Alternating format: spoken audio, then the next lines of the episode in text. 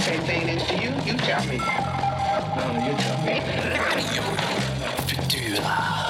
Er is geen eenvoudige of snelle uitweg, maar deze is zeer moeilijk.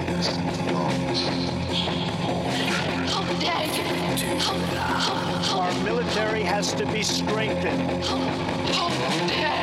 Ik denk de theaterbeleving is op deze manier gewoon ongelooflijk moeilijk. Lukashenko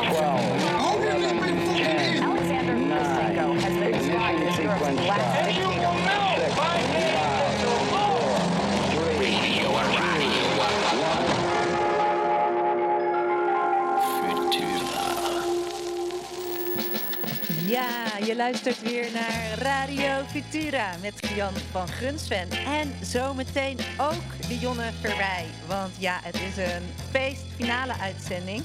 De allerlaatste namelijk. De afgelopen drie maanden doken Dionne en ik in de rol van kunst in deze veranderende wereld. En terwijl we hier binnen in deze veilige bunker spraken met kunstenaars, bleef de wereld om ons heen in transitie. Die hele langzame, maar continu meer waarneembare klimaatopwarming, die misschien wel leidt tot een posthumanistisch tijdvlak of andere rampen. Daarover spraken we. Eh, we hadden het over nieuwe blikken op onze mentale gezondheid, op lichamelijkheid, op rituelen en natuurlijk ook op stilte hier in de stad, die lang niet zo stil was als dat je in deze coronacrisis zou verwachten.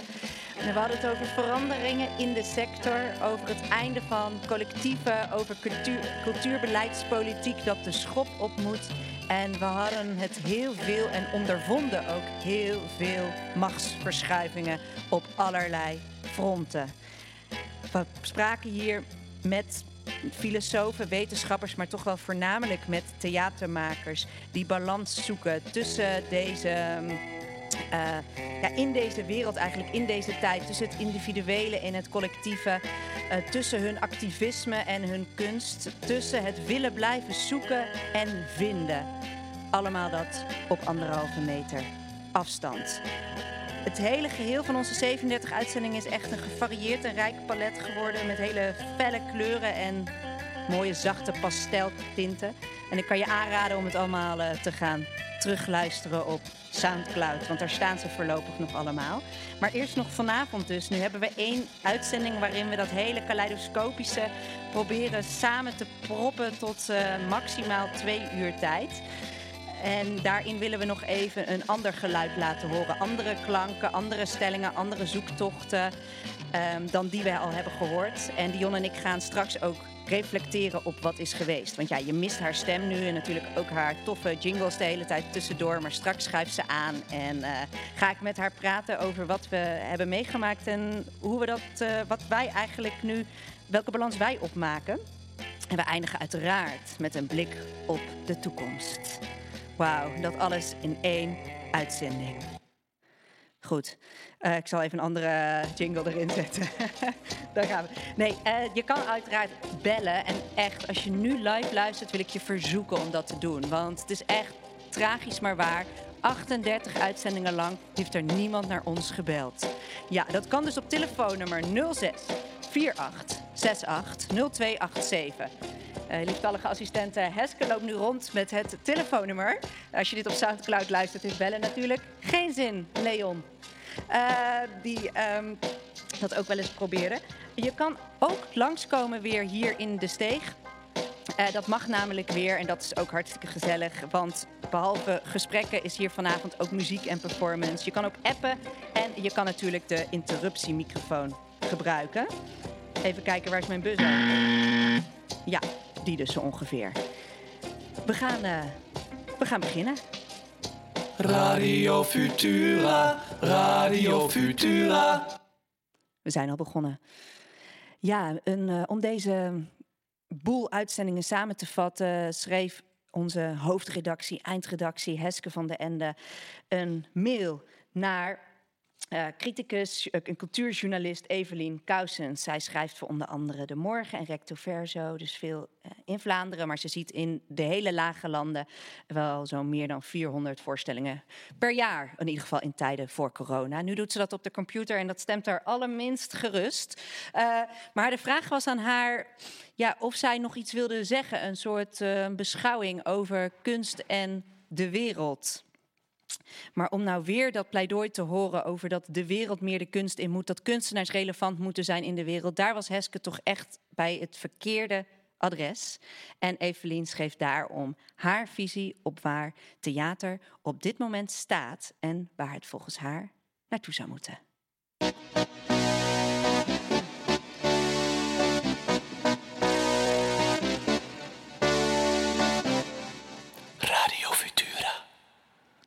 Goedenavond. Mijn uh, bescheiden bijdrage gaat over leeuwen en krokodillen. Alsof was jij een leeuw, mama, en ik een krokodil.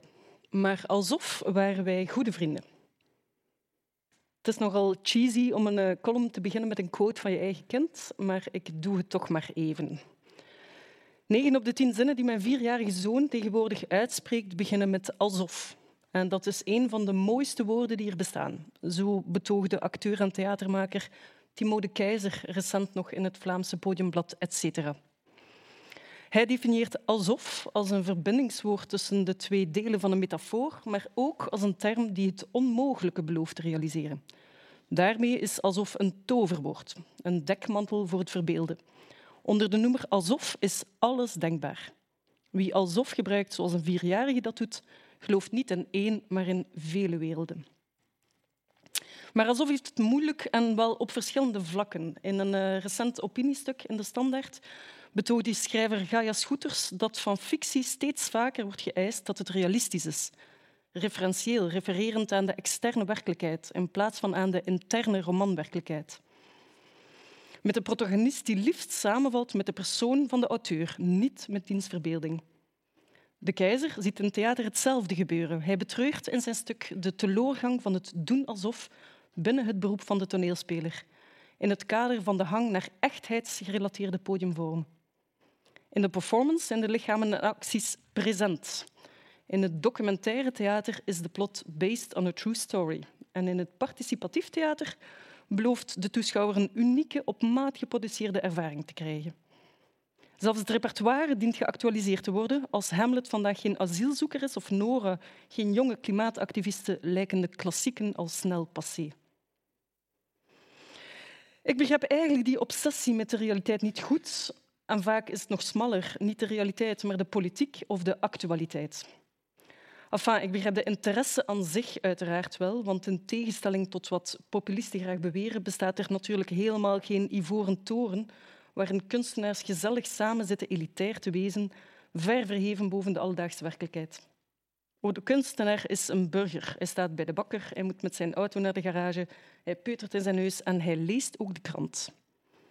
Hij wordt geraakt door wat er in de wereld gebeurt en die geraaktheid neemt hij mee in zijn werk, waar hij er op zo'n oprecht mogelijke manier vorm aan geeft. Dus natuurlijk begrijp ik wel dat de kunstenaar het vandaag heeft over het klimaat, over Black Lives Matter of over het feminisme. Wat ik eigenlijk bedoel, is dat ik in eerste instantie met dood erger aan het discours rond die actuele onderwerpen. En meer specifiek aan dat ene woord dat ik zelf al jaren uit mijn recensies tracht te bannen, omdat het zo vaak gebruikt en misbruikt is dat het intussen elke relevantie heeft verloren. Het gaat over het woord relevantie. Rond relevantie hangt een aura van serieus en intellectuele bezorgdheid, van diepgang en kwaliteit. Een voorstelling over de onderwerpen die ik net noemde moet wel per definitie relevant zijn. Maar is dat ook zo? Mij lijken er in de kunsten geen relevante of minder relevante onderwerpen te bestaan. Bestaat alleen goede en slechte kunst, afgemeten aan de manier waarop het kunstwerk in staat is om effectief te zijn in wat het wil bereiken. Het discours over relevantie is in veel gevallen gewoon marketing. Ik denk nu even spontaan aan mijn thuisstad, het mooie Gent, waar Anti Gent met zijn kritische baseline stel alles in vraag, zowat elke straathoek siert. Maar marketing is op zich niet zo'n interessant onderwerp. Veel zorgwekkender is wat er onder die opgefokte verkoopslogans schuilt. Het zich krampachtige verlaten op het eigen woke zijn illustreert een dieper gelegen en veel gevaarlijker drijfveer, en dat is angst. De angst om niet te voldoen, om niet bij de tijd te zijn, om niet de vinger aan de pols te hebben. Die angst wordt ons aangepraat door een gepolariseerde publieke opinie en door een sterk utilitair kunstbeleid, maar daarop kom ik straks nog terug. Voor nu was mijn punt even dat de obsessie met eigen tijdsheid een schijndiscours is. Alles is van deze tijd. Kunstenaars leven en creëren in deze tijd niet vanuit een Archimedisch punt. Zelfs de kunstenaar die zich in zijn uiveren enkel over zijn eigen navel buigt, articuleert daarmee iets over zijn onwillige verhouding tot de wereld. Dus laat ons even afspreken dat ook dat soort voorstellingen nog steeds een bestaansreden heeft, die even urgent is als die van een voorstelling over pakweg de zaak Shell. Laat dat dan ook de opmaat zijn naar mijn tweede en meer essentiële bezochtheid. Er is natuurlijk geen hiërarchie in onderwerpen, omdat theater helemaal niet gaat over het wat, maar over het hoe. Het wezenskenmerk van theater, die linkse hobby die ik koppig toch kunst blijf noemen, is juist dat het bemiddelt. Het bemiddelt de realiteit, het vervormelijkt die, waardoor ook de mededeling wordt vervormd en niet tot één welomlijnde nieuwe mededeling, maar tot een heel boeket aan talloze mededelingsmogelijkheden, als dat al überhaupt een woord is. Over de relatie tussen theater en wereld wordt vaak de Vlaamse dramaturge Marianne van Kerkhoven geciteerd. Zij schreef: Het theater ligt in de stad en de stad ligt in de wereld en de wanden zijn van huid. Maar het is net die quote, instemmend geciteerd door zij die de nauwe relatie tussen kunst en politiek willen onderstrepen, die ik wil aanhalen om te benadrukken dat theater dus niet de wereld is. Indien er geen wanden zouden zijn, behoorden de kunsten en de samenleving inderdaad tot dezelfde mentale omgeving. Maar dat is in Van Kerkhoven's quote dus niet het geval. Ik stel me bij die relatie die zij schetst eerder iets voor als een osmose, een wederzijdse uitwisseling tussen het reële en het verbeelde. De theaterruimte is immers dus ook geen openbare ruimte. Het is een transformationele ruimte, daar waar iets anders kan gebeuren dan in de realiteit. Sterker nog, daar waar vele andere ondenkbare dingen kunnen gebeuren, waar onuitspreekbare dingen kunnen worden gezegd. Daar waar alles wat is ook altijd anders mag zijn. In de meest recente voorstelling van Jatse Battelaan, het begin van het einde van het begin, wordt het meesterlijk verbeeld. Wanneer in een nabij gesitueerde toekomst een clubje projectontwikkelaars een leegstaande theaterzaal komt bekijken om er een winstgevend project van te maken, merken ze dat ze op die plek onmogelijk zichzelf kunnen blijven. Tegen wil en dank transformeren ze. Ze zijn niet meer wie ze dachten te zijn. Dat is het wonder van alsof.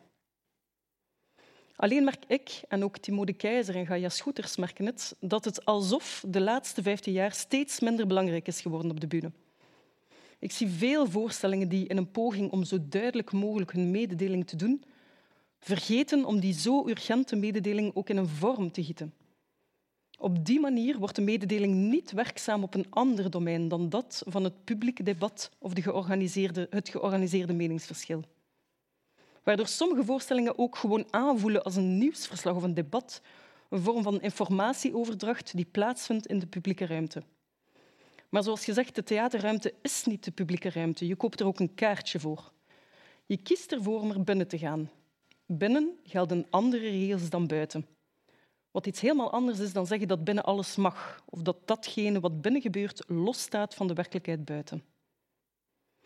De gevaarlijke consequentie van de gelijkschakeling van het openbare spreken met het theatrale spreken is dat we ons tot die onbemiddelde voorstellingen vrijwel alleen nog moreel kunnen verhouden. Met andere woorden, dat de enige te bespreken vraag na de voorstelling is was die inhoud nu goed of slecht, moreel aanvaardbaar of verwerpelijk?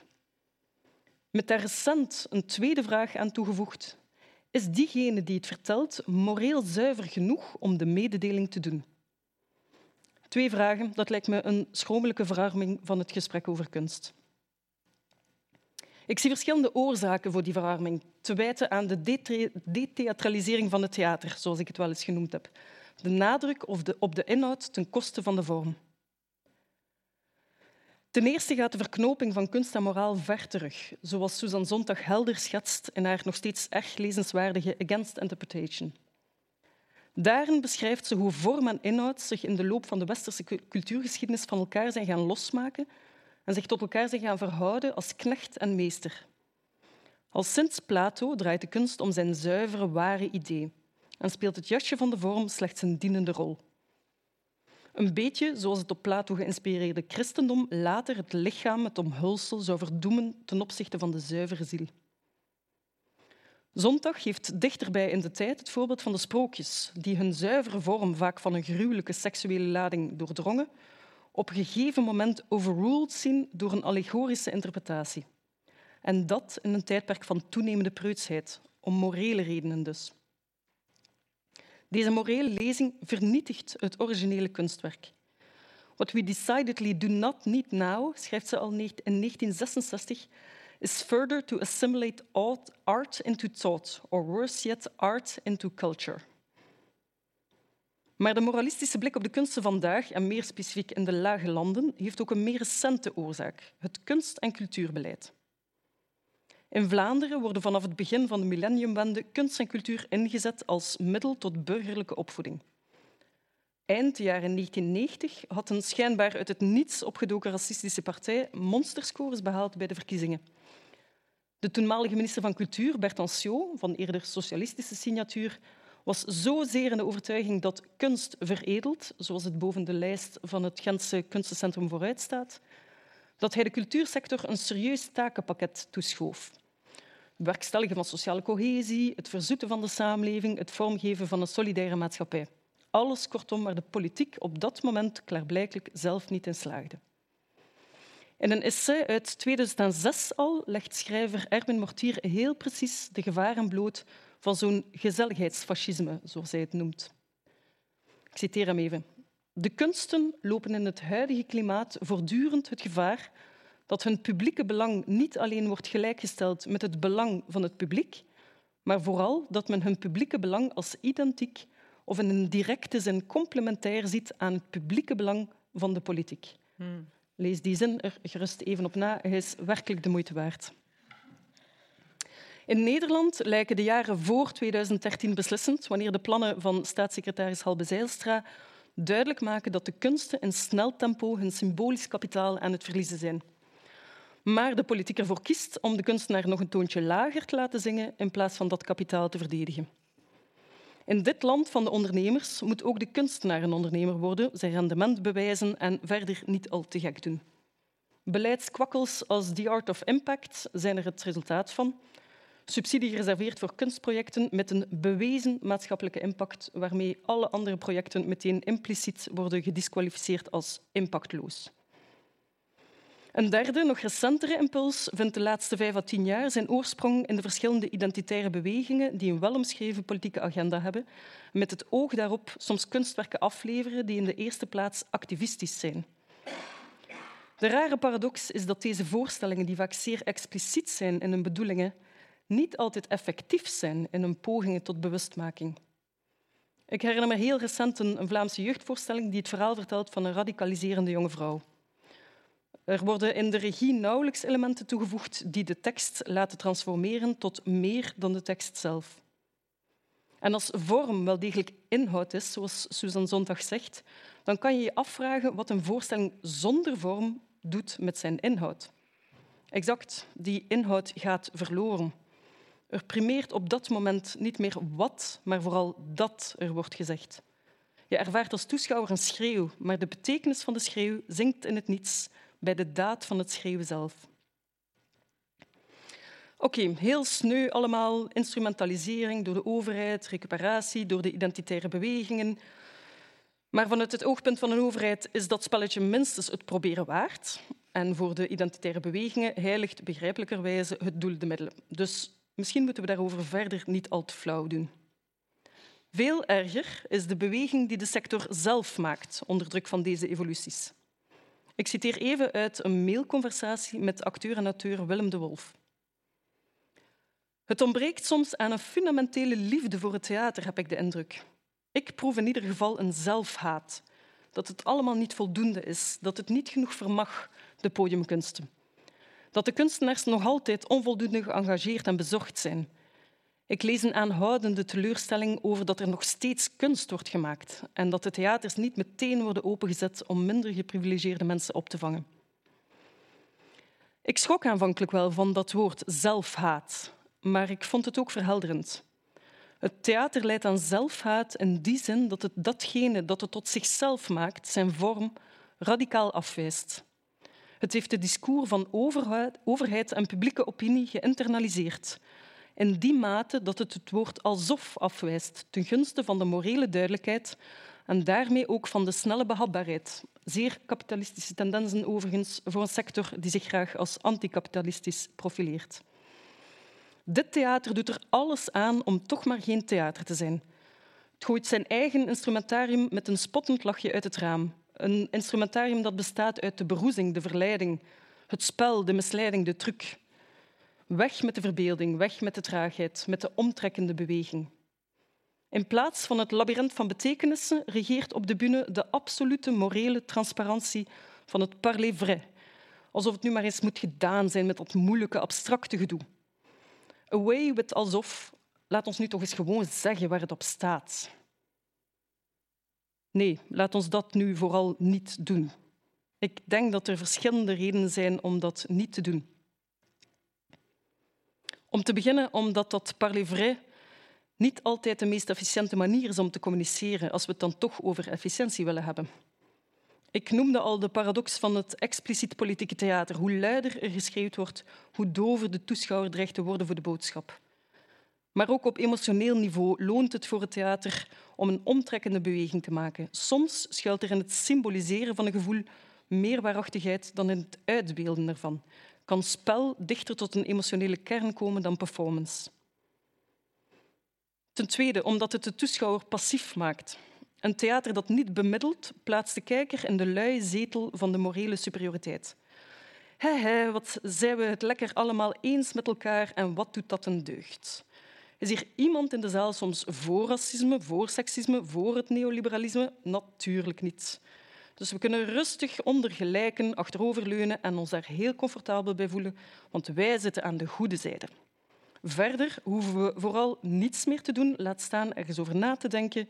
Het bijwonen van de voorstelling bevrijdt ons van alle schuld. Ten derde, omdat het ook anders kan. Er zijn nog steeds voorbeelden van voorstellingen die heel sterk appelleren aan de wereld en toch extreem vormelijk zijn. Ik sprak al over Jetse Batlaan, maar is bijvoorbeeld in Vlaanderen ook Benjamin Verdonk, die met zijn abstracte poppenkasten een knal tegen je politieke bewustzijn geeft. Een jong spelerscollectief als Tibaldus legt in zijn jongste voorstelling uitsluitend door spel de gevaren van totalitair denken bloot. In Nederland zie ik de combinatie in de uitbundige theatraliteit van Charlie Chung of de bevreemdende dystopieën van Davy Pieters. Ik werd er trouwens door een Vlaamse dramastudent op gewezen dat As We Speak een piepjonge generatie opnieuw interesse toont in de verschillende mogelijkheden van het spel, in het gebruik van kostuums, schmink en decor, in de hele theatermachine. The times they are changing again, of toch een beetje in Vlaanderen, zo lijkt het. Omdat het arrogant is. Als we de bestaansreden van de kunsten louter en alleen op het domein van de moraal situeren, moeten we ons misschien ook eens afvragen wiens moraal dan? Een moraal vertrekt steeds vanuit een persoonlijke grond. Daardoor is ze ook onwankelbaar en ondeelbaar met een ander. Natuurlijk bestaat er een collectieve set morele regels waarop het openbaar leven gebaseerd is, maar dat noemen we de wet. Ons exclusief morele kijken maakt elk breder gesprek onmogelijk, want het gesprek stokt voortdurend op de particuliere moraal. Ik vind dat, maar jij vindt dat. In haar essay Wereldvreemdheid wijst Patricia de Martelare op het verschil tussen een morele en een ethische houding. Volgens de Martelare staat de vraag tot morele her- en erkenning, de identificatie dus, een groter ethisch denken in de weg en zelfs een meer alomvattende empathie met all things alive. De door haar gewenste ethiek vertrekt niet vanuit de identificatie, maar vanuit de vraag wat gepast en goed is om te doen in welke situatie. En dan de laatste, maar de meest essentiële. Omdat het tegendeel van dit onbemiddeld spreken, namelijk het verbeelde spreken, levensnoodzakelijk is. Opnieuw Jetse Battelaan. In diezelfde voorstelling boordevol verbeelding, dus het kan nog, voorziet hij met de dood van de verbeelding ook de dood van de mensheid. Dat is nu misschien wel een beetje heel erg theatraal, denkt u, maar de mogelijkheid om de realiteit anders te denken en ook de ander anders te denken, is wel degelijk van levensbelang. Het gaat dan inderdaad over empathie, zoals niet alleen de martelaren, maar ook bijvoorbeeld Kate Tempest die definiëren.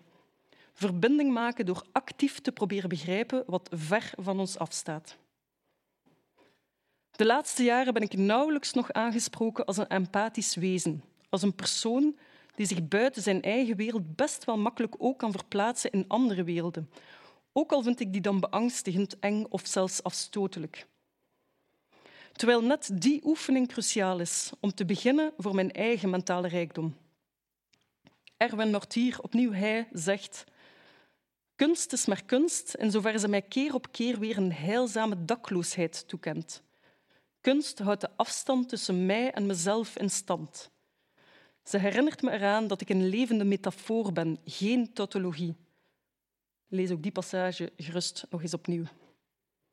Maar ver voorbij mijn eigen belang is het spel met de metafoor, het spel met alsof, ook van vitaal belang voor de hele samenleving. Kunst stelt mij niet alleen in staat om mezelf anders te denken, maar om dat ook met de wereld te doen. In die vrijgekomen ruimte wordt een meervoudige realiteit mogelijk, waarin mama's krokodillen zijn en kinderen leeuwen, maar beide toch bevriend zijn. Zo bezien is de oefening in abstractie, die ons godzijdank nog steeds in het theater te beurt kan vallen, veel meer dan een spel. Het is een doodernstige poging om onze geest soepel te houden. Een soepelheid die we hard zullen nodig hebben, vooral in de wereld buiten de theaterzaal.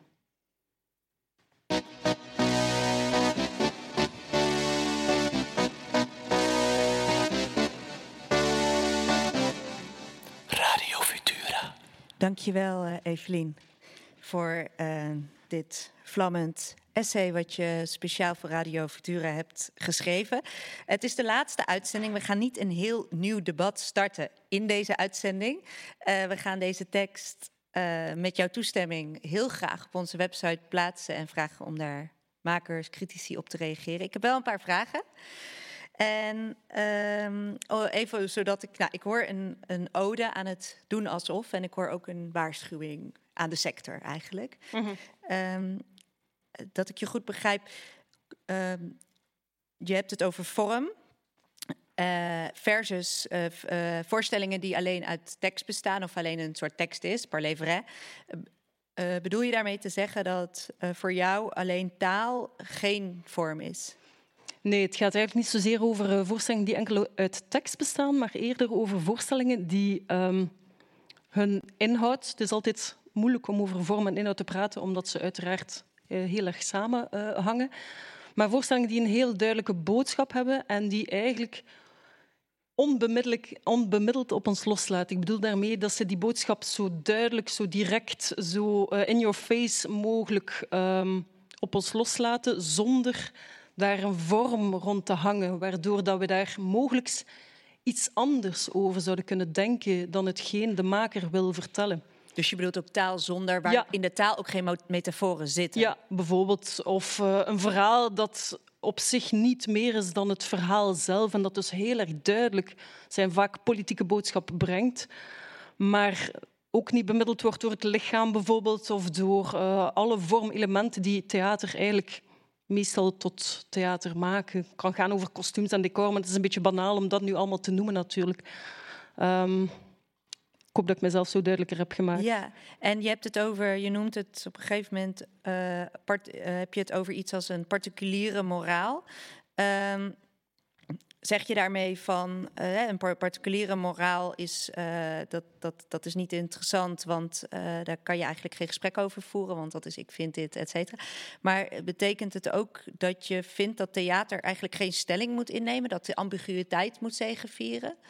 Goh, ik zou het woord moeten niet zo snel gebruiken. Um, theater mag alles zijn, wat mij betreft. Um, ik hoef niet te oordelen over de bestaansreden van theater, want voor alle duidelijkheid, ook de voorstellingen die ik dan als erg moralistisch uh, beschouw of als zuiver inhoudelijk en weinig bemiddeld, mogen er zijn. Ik ben hier niet degene die zegt die mogen niet bestaan.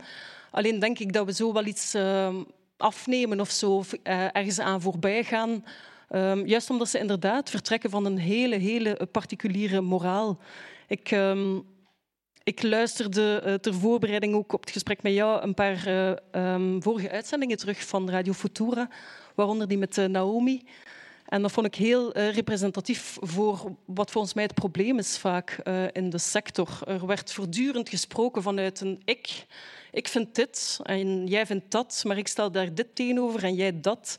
En zo kom je eigenlijk tot een padstelling van, van hele particuliere perspectieven die nooit openbreken tot dat bredere gesprek dat we dringend nodig hebben, vind ik. Ik kan tegenover jouw moraal niks stellen behalve mijn eigen moraal en dan stopt het gesprek.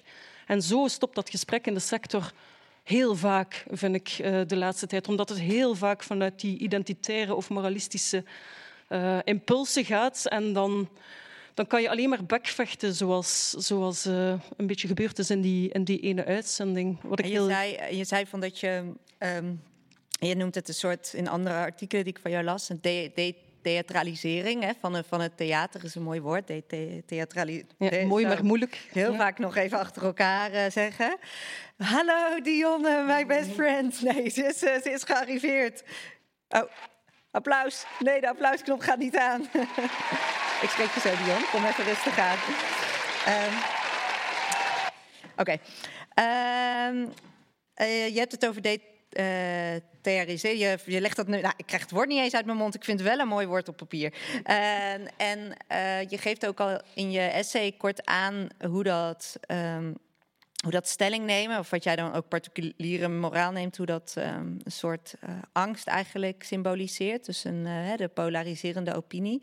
Uh, is het een soort sign of times wat je hierin ziet? Is een soort is wat er in theater gebeurt voor jou? Hoe reflecteert daar voor jou de wereld in waarin we nu leven? Ja, ik denk dat in het verlengde daarvan ligt natuurlijk ook de media en, en alles wat zich in de non-fictie afspeelt, laten we zeggen zijn extreem gepolariseerd en op dezelfde eendimensionele manier als vaak in het theater zelf. Ik zeg dit, jij zegt dat, sla er de opiniepagina's maar op na. Dus... Maar vind je dan eigenlijk ook de wereld misschien op dit moment niet zo leuk?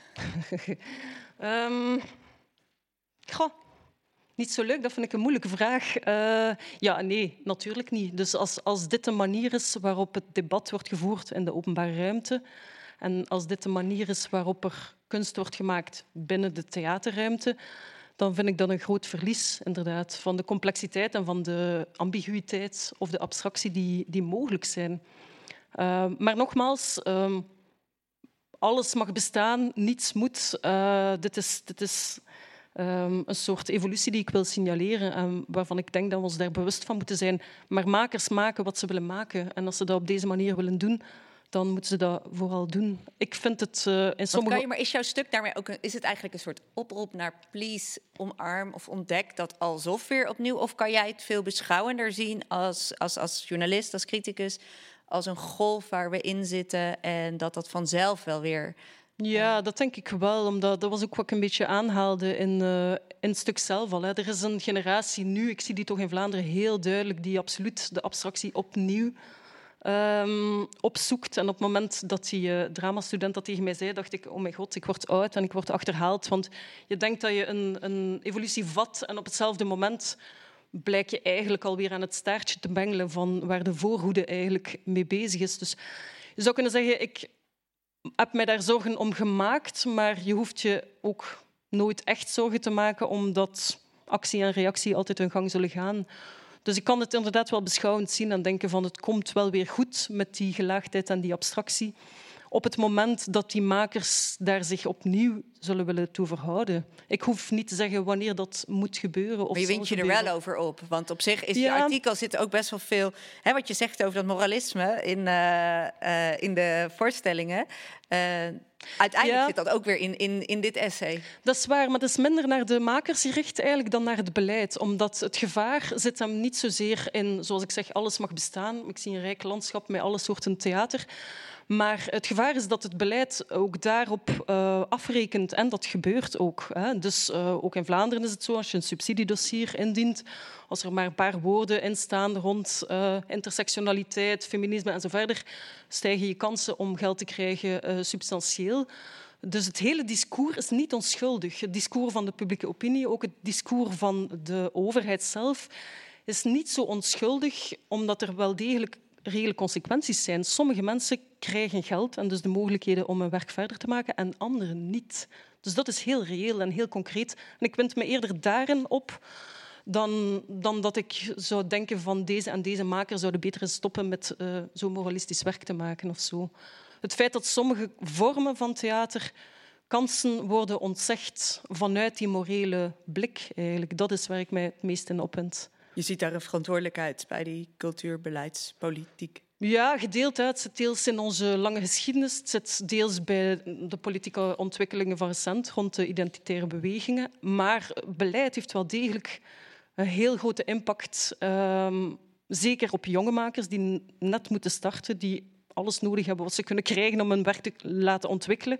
Frascati, uh, wat, wat we hier net hebben meegemaakt, is daar het beste voorbeeld van. Natuurlijk is het superbelangrijk wat het beleid doet, omdat er nu eenmaal geld ook aan vastzit, um, helaas. En wat zie jij als jouw rol hierin als uh, schrijvend journalist, als criticus misschien soms ook wel? Ja, dat is een, een moeilijke. Um, ik herinner mij um, voorstellingen waarover collega's niet wilden schrijven, omdat ze vonden dat ze niet gerechtigd waren om over die voorstellingen te schrijven. Het ging dan bijvoorbeeld over een voorstelling in Vlaanderen gemaakt door uh, dertigtal zwarte vrouwen.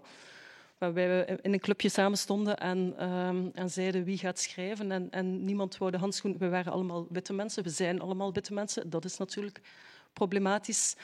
Um, ik denk dat het. Ik heb uiteindelijk geschreven omdat ik denk, denk dat het mijn rol is. En ik probeer dat heel koppig vast te houden. En soms um, stoot ik op de limieten van die overtuiging. Ik probeer een vormanalyse te maken. Als criticus kijk ik naar een voorstelling, ik kijk naar een kunstwerk, ik maak een vormanalyse.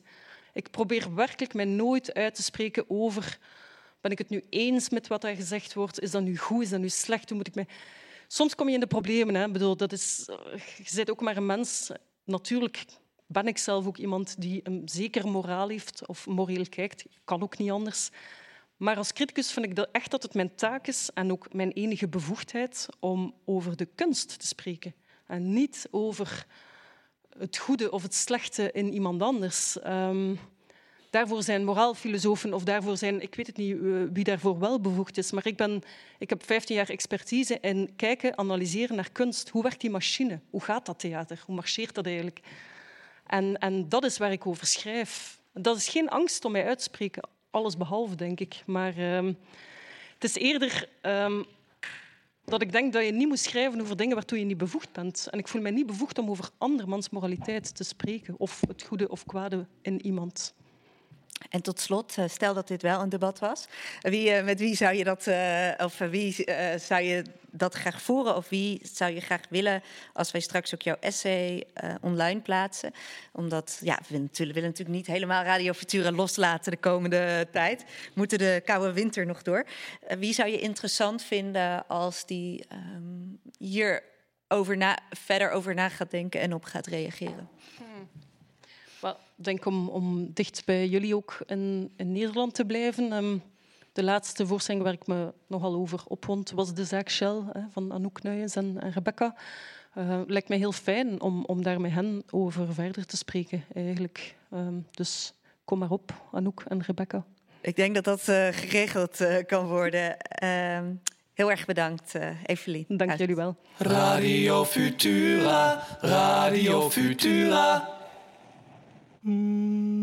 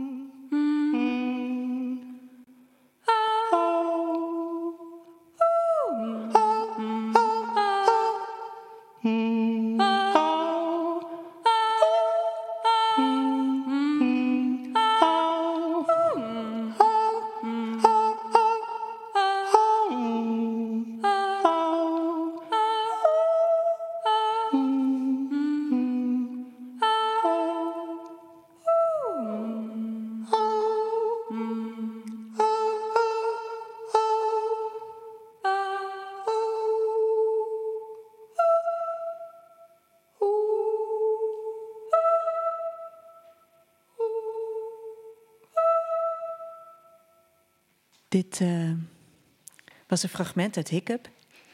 Je hoorde hier live vanuit de Radio Futura studio Timo Tembuizer en Helene Vrijdag. eh, in een zoektocht naar een gelijkwaardige dialoog. Een oerduet. Een hiccup is dan eigenlijk een solo, maar dan voor twee stemmen hebben ze mij uitgelegd. Het heet een Hocket Song, een melodielijn die door twee stemmen samen wordt gedeeld. Waardoor de ene stem rust als de andere stem zingt. Radio Futura, Radio Futura. Hey Dion, wat fijn dat je er bent. Heb je hard gerepeteerd vandaag? Waar ben je voor aan het repeteren? Ehm, ik doe de eindregie van een voorstelling. Eh, het is een dansmuziekvoorstelling uh, bij het gezelschap Tafel van Vijf. En een jonge maker genaamd Perry Gids.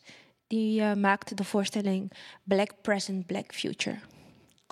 Die hebben we hier ook in de uitzending gehad, ja, hè? Jij? Is hier. Twee keer? Hij is hier twee keer geweest, inderdaad. Wow. Ja. Ja. ja. Ik ben heel benieuwd. Wanneer, Ja. moet het, wanneer is de première? Uh, volgens mij, uh, kijk eens, je zit er zo diep in dat je gewoon niet eens meer weet. Jawel, uh, 4 december. Nee, 3 december. Dus oh, fijn week. dat je er bent, man. Ja, Echt fijn om even samen af te, um, af te gaan we sluiten. doen. We hebben nog een aantal minuten, dus het kan. Uh, ja, Ehm, ja dit, we hoorden dus net dat prachtige duet waar de ene stem rust als de andere stem zingt. En de volgende gast die we hebben uitgenodigd is dus iemand die een hele uitzending heeft gezwegen. En ehm, niet ehm, omdat hem eh, dat eh, werd ehm, verplicht, maar eh, omdat hij. eh, ik moet mijn eigen geweten schoonwassen. Ik was niet degene die dat gesprek leidde. Jij ook niet, hè? Nee. Nee, het was een eigen vriendin. Moet je nagaan. Nee. Eh, we gaan. Lucia Ren, Renmeester, kom je erbij zitten? Futura Radio. En in het kader van eh, dat we hier nog even die andere blik, het andere perspectief laten horen voordat wij samen gaan eh, reflecteren op eh, de hele afgelopen tijd, geven we nu eh, het woord aan diegene die ik zo graag in die aflevering 21 aan het woord had gehoord. Lucien, je hebt wat geschreven. Ja, zeker. Bedankt voor de mooie introductie. Eh, het voelt heel fijn om mee te beginnen. Uh, uh. Eh, nee, nee, nee. Een beetje, ja, een beetje wel. Ehm, in de beschrijving van deze avond staat dat ik een statement zou maken. Ik zie statements als vanaf je eigen toren naar beneden schreeuwen. Een aanval of een verdediging. Maar ehm, ik heb de laatste tijd juist veel meer behoefte aan kwetsbaarheid. Vooral binnen dit soort tafelgesprekken. Dus juist geen hoge torens, maar beide benen op de vloer. Eh, met open armen in gesprek gaan met elkaar. Ik hoop dan ook dat jullie mijn woorden eerder als uitnodiging tot gesprek horen dan als statement. Eh, inderdaad, iets meer dan een maand geleden zat ik ook aan deze tafel. Eh, ik was door Naomi Felisariou, theatermaker en mijn vriendin, gevraagd om erbij te zijn, omdat ze de thematiek van de avond had oms- omschreven als de gevolgen van angst voor politieke incorrectheid op de kritische waarde van kunst. Dat is een thema dat we thuis veelvuldig bespreken en zoals het bij veel van onze huiselijke gesprekken gaat, komen we vaak tegenover elkaar te staan. Meestal komen we rijker uit die gesprekken. We moeten onze standpunten herzien of komen erachter dat we soortgelijke standpunten hebben, maar dan anders verwoord. En waarom we aanvankelijk vaak tegenovergestelde standpunten hebben, heeft grotendeels te maken met mijn neiging om me polemisch op te stellen. Ik vind een hoop, heb een hoop te zeggen, maar twijfel aan alles. En daardoor voelt het comfortabel om de andere kant te belichten, waar ik me vaak net zo goed in kan vinden. Ik doe dat vaak tot op het ziekelijke af. Soms neemt zij een tegengesteld standpunt in van wat ze zelf vindt, zodat ik dan pas hetzelfde standpunt inneem dat zij heeft. Als gesprekspartner ben ik denk ik best wel irritant. Daarnaast spreek ik me in het openbaar niet graag uit. Uh, in het openbaar dus niet graag uit. Dus ik heb heel veel stellig commentaar, maar dan wel thuis aan de keukentafel. Ik was toch aanwezig bij de vorige Radio Futura uitzending, omdat ik moe ben van mezelf die veilig thuis vanaf de zijlijn commentaar heeft. Dus nu zit ik hier weer, uh, met nog steeds dezelfde reden. En omdat ik tijdens dat radiogesprek eigenlijk niets heb gezegd. En daar ben ik best wel teleurgesteld over. Dat ik in een gesprek over angst voor politieke correctheid te bang bleek om iets te zeggen. Ik had me grondig voorbereid op het radiogesprek. Ik had mijn scriptie over de code diversiteit en inclusie samengevat, net als vele artikelen en passages van boeken. Ik zat aan tafel met een document van 13 pagina's losse gedachten, vragen, stellingen en audiofragmenten die ik had kunnen laten horen. Naomi en ik waren het erover eens dat we hier geen polemisch gesprek wilden voeren. Omdat polemiek om de polemiek het denken in voor- en tegenstand simplificeert en het kritische gesprek op slot zet. En wij wilden dat gesprek juist openbreken. Vlak voordat het radiogesprek begint, uh, sta ik buiten te roken en ik hoor dat er die week een leraar onthoofd is in Frankrijk. Uh, de aanleiding daarvan zou het tonen van cartoons zijn. Ik word er nogal door overvallen en vind het gênant dat ik daar niets vanaf wist. Ik ben blij dat ik geen smartphone heb en dus ook minder op de hoogte ben van nieuws, maar misschien had ik dit wel echt moeten weten. Ik vraag me nog gauw af of de moord relevant is voor ons gesprek. Maar misschien is het te groot. En dan is de uitzending begonnen. We hebben anderhalf uur. Na vijf minuten zitten we in het soort gesprek waar we vandaan wilden blijven. Polariserend. Op torens. Aanvallen, verdedigen. Na tien minuten kijkt mijn co-host Naomi me lang en angstig aan. Ik glimlach geruststellend. Dit hoort erbij. Komt wel goed. Stopt vanzelf. Ik scroll door mijn bestandje heen. En een audiofragment wat ik klaar heb, uh, heb staan gaat over de vraag: waarom is moraliserende kunst synoniem geworden voor slechte kunst? Mijn stelling is dat het omgekeerde waar is. Ik heb de definitie van moraliseren volgens de Dikke Vandalen opgezocht. Voortdurend wijzen op morele maatstaven. Ik heb juist het gevoel dat dat nu de norm is binnen de kunst dat dat wijzen op wat goed en fout is nu de hele tijd gebeurt. Dat het veel moeilijker is om kunst te vinden die losstaat van moraal of het moraliseren, dan kunst die dat niet met zich meedraagt. Voorstellingen zitten vol politiek. Er is een tijd geweest dat dit een nieuw genre was, spannend, vernieuwend, tegendraads. Nu is het een saaie vanzelfsprekendheid. Dat maakt kunst voor mij een stuk minder aantrekkelijk. Ik ben op zoek naar tegendraadsheid, juist ook in de kunst. Niet om die tegendraadsheid, maar om een heersende macht te bevragen. Ik vind het irritant als me wordt verteld hoe ik zou moeten denken. En zo voelt het nu wel heel vaak als ik naar een voorstelling ga kijken. Ik kijk naar het stukje en denk, nou, dit lijkt me niet goed voor nu. Het is veel te polemisch. Dus ik zeg maar niks en luister verder naar de anderen. En dan is er drie kwartier voorbij. Ik heb honderden gedachten gehad, maar niets gezegd. Ik voel me als bij een auditie waarin ik blijf uitstellen totdat ik uiteindelijk als laatste aan de beurt ben en het dan alsnog totaal verknal. Ik moet wel iets zeggen. Ik, ik heb heus een waardevolle inhoudelijke bijdrage. Het is na al dat voorwerk, voorwerk toch legitiem om iets te stellen. Um, ik zoek weer in mijn bestand. Het huidige cultuurbeleid sympathiseert met emanciperende bewegingen en daar ben ik blij mee. Ik ben minder fan van de praktische uitwerking van dat sympathiseren. Het lijkt er sterk op dat de ene dwingende dominante norm vervangen wordt door een andere dwingende dominante norm. En beide zijn een obstakel voor inclusie. De paradox is dat de laatste norm diversiteit en inclusie heet. Is ook niet het goede moment. Um, misschien dan een mooi, verzachtend audiofragment. Uh, een van Herman Vinkers. Of, dat is ook stom. Staat nergens op om dat nu te laten horen.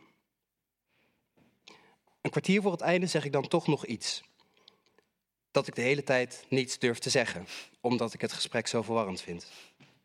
Ik prittel nog iets over vanuit mezelf praten is het enige wat ik kan en hou dan mijn mond weer. Het is een paar seconden stil. Ik zie de anderen aan de tafel vriendelijk, of misschien is het met medelijden, knikken. Dan hervat het gesprek weer als daarvoor. Ik, ik scroll door mijn lijstje heen op zoek naar houvast totdat mijn co-host de avond afsluit. Als de microfoons uitstaan, bied ik Naomi mijn excuses aan. Uh, sorry, ik, ik, heb je echt in de steek gelaten. Er, ontstaan allerlei warme en toenadering zoekende gesprekken. Maar die term, identiteitspolitiek, dat voelt als aanval. Erken mij in alle facetten die ik ben. Mm, Naam van de serie die ik vergeten ben. Ja, die moet je echt kijken. Dat is zo goed, het gaat hier helemaal over. Ja, het was meteen een, ruzie als in een relatie. Onderbreek me niet. Dan houdt het op. Het was een hele mooie poging, maar ja, het was veel heftiger dan jullie hadden verwacht. Ik luister half naar de gesprekken om me heen en baal dat ik zo weinig heb gezegd. Ik had het veiliger moeten maken aan tafel. Ik miste toenadering, maar heb daar niets aan gedaan. Had ik dan meer moeten ingaan op de scherpe stellingnames en de vaak zo harde toon? Eerst niks mix, mis met polemiek. Als de basis in een gesprek maar het verlangen tot toenadering is. Schreeuwen van je eigen toren zonder te luisteren naar een ander, dat, dat zien we al genoeg gebeuren. Dat is vermoeiend, deprimerend. Was hier een oprecht verlangen tot toenadering? Nu, na de uitzending, lijkt het er wel op. Ik denk aan Florida uit het gesprek. Over emancipatiebewegingen als Black Lives Matter en hashtag MeToo. Mensen schreeuwen omdat ze zo lang stil hebben moeten zijn. Ja, dat gun ik iedereen, dat, dat gun ik mezelf. Ongemak in een gesprek voelen en laten bestaan, daar moeten we doorheen.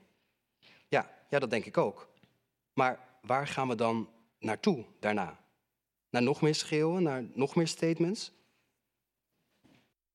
Ik herken dat schreeuwen van mezelf, maar ik weet ook dat ik dan eigenlijk graag gestopt wil worden. En als dat niet gebeurt, dan ga ik vaak door. Of als ik even uit moet razen, dan wil ik daarna heel diep van binnen eigenlijk gewoon een knuffel. En als dat niet gebeurt, ga ik ook vaak stilletjes door. De onthoofding van de Franse leraar legde een grens van de vrijheid van meningsuiting bloot. Hmm.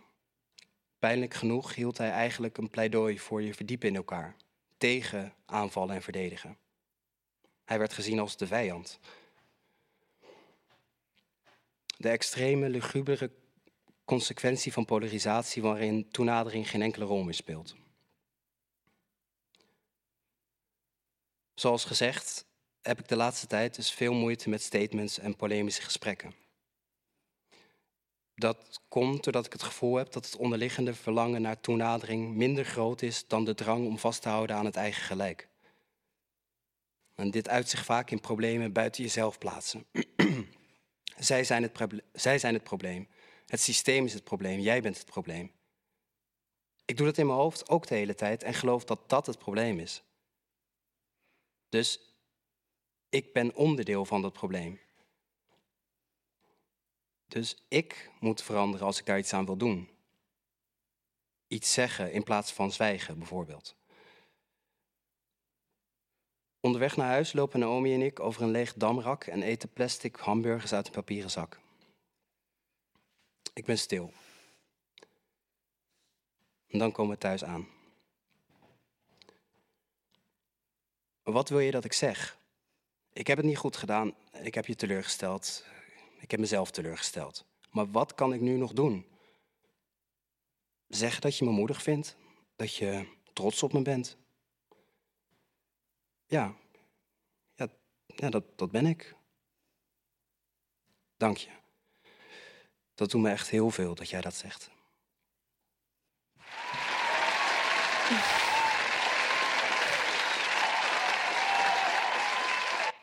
Dank je, Lucien. Uh...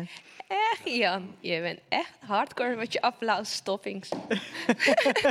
Zometeen gaan we ook ruilen. Dat nee, jij joh. Ja, nee. echt waar. Nee, Nee, jij ik gaat vind zo het achter wel de, goed. eh, de knoppen. Uh, dankjewel, Lucien, Graag gedaan. voor deze, mm, eh, voor deze tekst. Dankjewel. Ik ben heel blij dat je hebt eh, gesproken. Ja, ik ook. Ik zag jou meeschrijven. Had jij vragen? Ehm,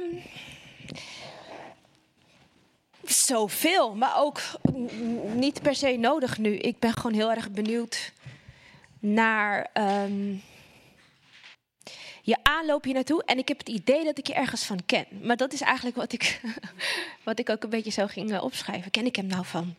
Of van? Ik weet dat ik ooit... Heb jij ooit auditie gedaan voor de acteursopleiding in eh, Antwerpen? Ja. Ja. Ja, echt super lang geleden. Weet ik. Nou, als jullie nog even dit onderzoeken, dan wil uh, Danny Lucassen misschien een plaatje opzetten. ja, ik ben benieuwd. ja, dat weet ik nog heel goed. Want ik weet ook nog dat ik uh, jou vertelde over een uh, vooropleiding genaamd de Nieuw Amsterdam. Um, want we vroegen naar elkaars ervaringen wat betreft theater. En ik weet, ik vond je toen al een hele aardige, maar toch super verlegen. En dat is helemaal niet een slecht eigenschap zo. En een verlegen jongen. En toen zei ik. God, de Nieuw Amsterdam, het heette Internationale School de Nieuw Amsterdam. Dat is een, uh, een vooropleiding voor, uh, wat zei ik nou? Voor kunstenaars zoals jij en ik, zei ik. En toen zei hij heel stellig, wat bedoel je daarmee? Kan je je dat nog herinneren? Nee, maar ik kan me wel heel goed voorstellen. Omdat ik, als jij zegt jij en ik, dan denk ik meteen, hè, wat bedoel je dan? Ja, precies. en ik wist wat ik daarmee bedoelde. En we zijn toen niet verder gegaan met het gesprek. Maar toen jij dit zo oplas, toen dacht ik, ja, en nu snap ik je beter waarom jij vroeg, wat bedoel je? Dat wil ik zo van je horen. Danny, gooi dat plaatje er eens in. Oh, de overturen van de Wiz. Danny is uh, samen met Leon Bril de soundmasters van Radio Futura. En um, behalve jingles uh, kunnen ze ook plaatjes draaien. Vet.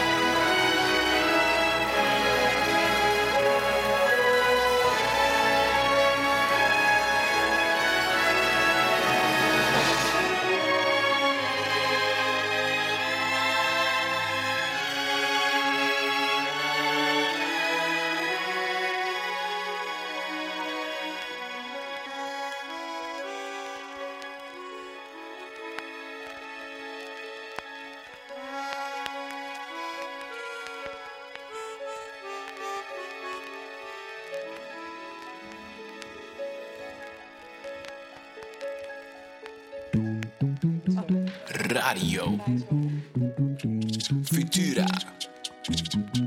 Met Dionne Verwij, Dionne Verwij en Gian van Gian van Gunsven. Frascati, Dionne Verwij, Radio Futura. Gian van Gunsven. Dionne,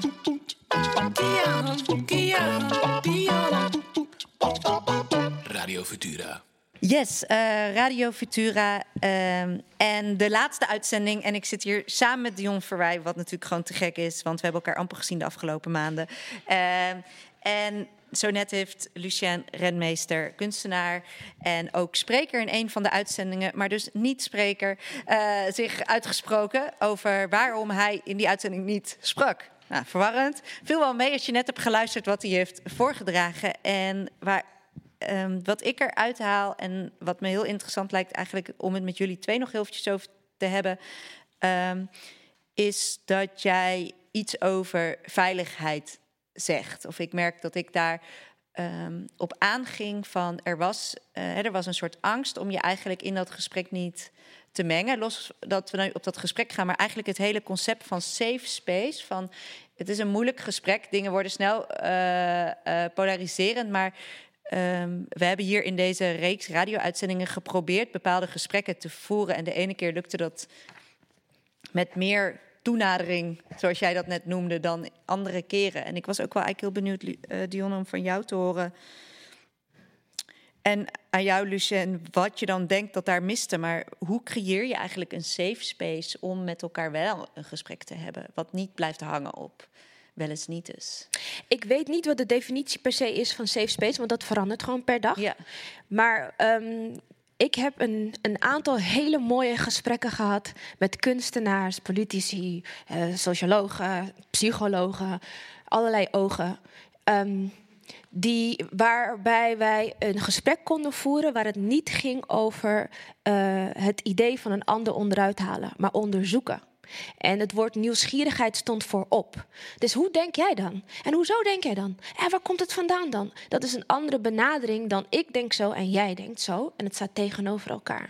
En natuurlijk is, kan het vaak ook een thema hebben waar, waar, waar meerdere uh, invalshoeken mogelijk zijn. Maar uh, in de kern uh, gaat het denk ik bijna altijd over hoe kunnen we de wereld een stukje beter maken met jouw ideeën, met jouw ideeën. Oh, heb jij dan ook een nieuw idee? Oh, daar past mijn idee bij, maar dan heb ik nog iets mee te brengen. Oh, dan hak deze weer af, want dan klopt het niet meer met mijn nieuw idee wat ik zojuist vijf minuten geleden heb opgedaan. En welke verantwoordelijkheid vind je, als Lucien dat nu ook zegt, van hé, hey, maar wacht, ik ben eigenlijk onderdeel van het, het, het probleem, of die, hè, die, die oont hem eigenlijk.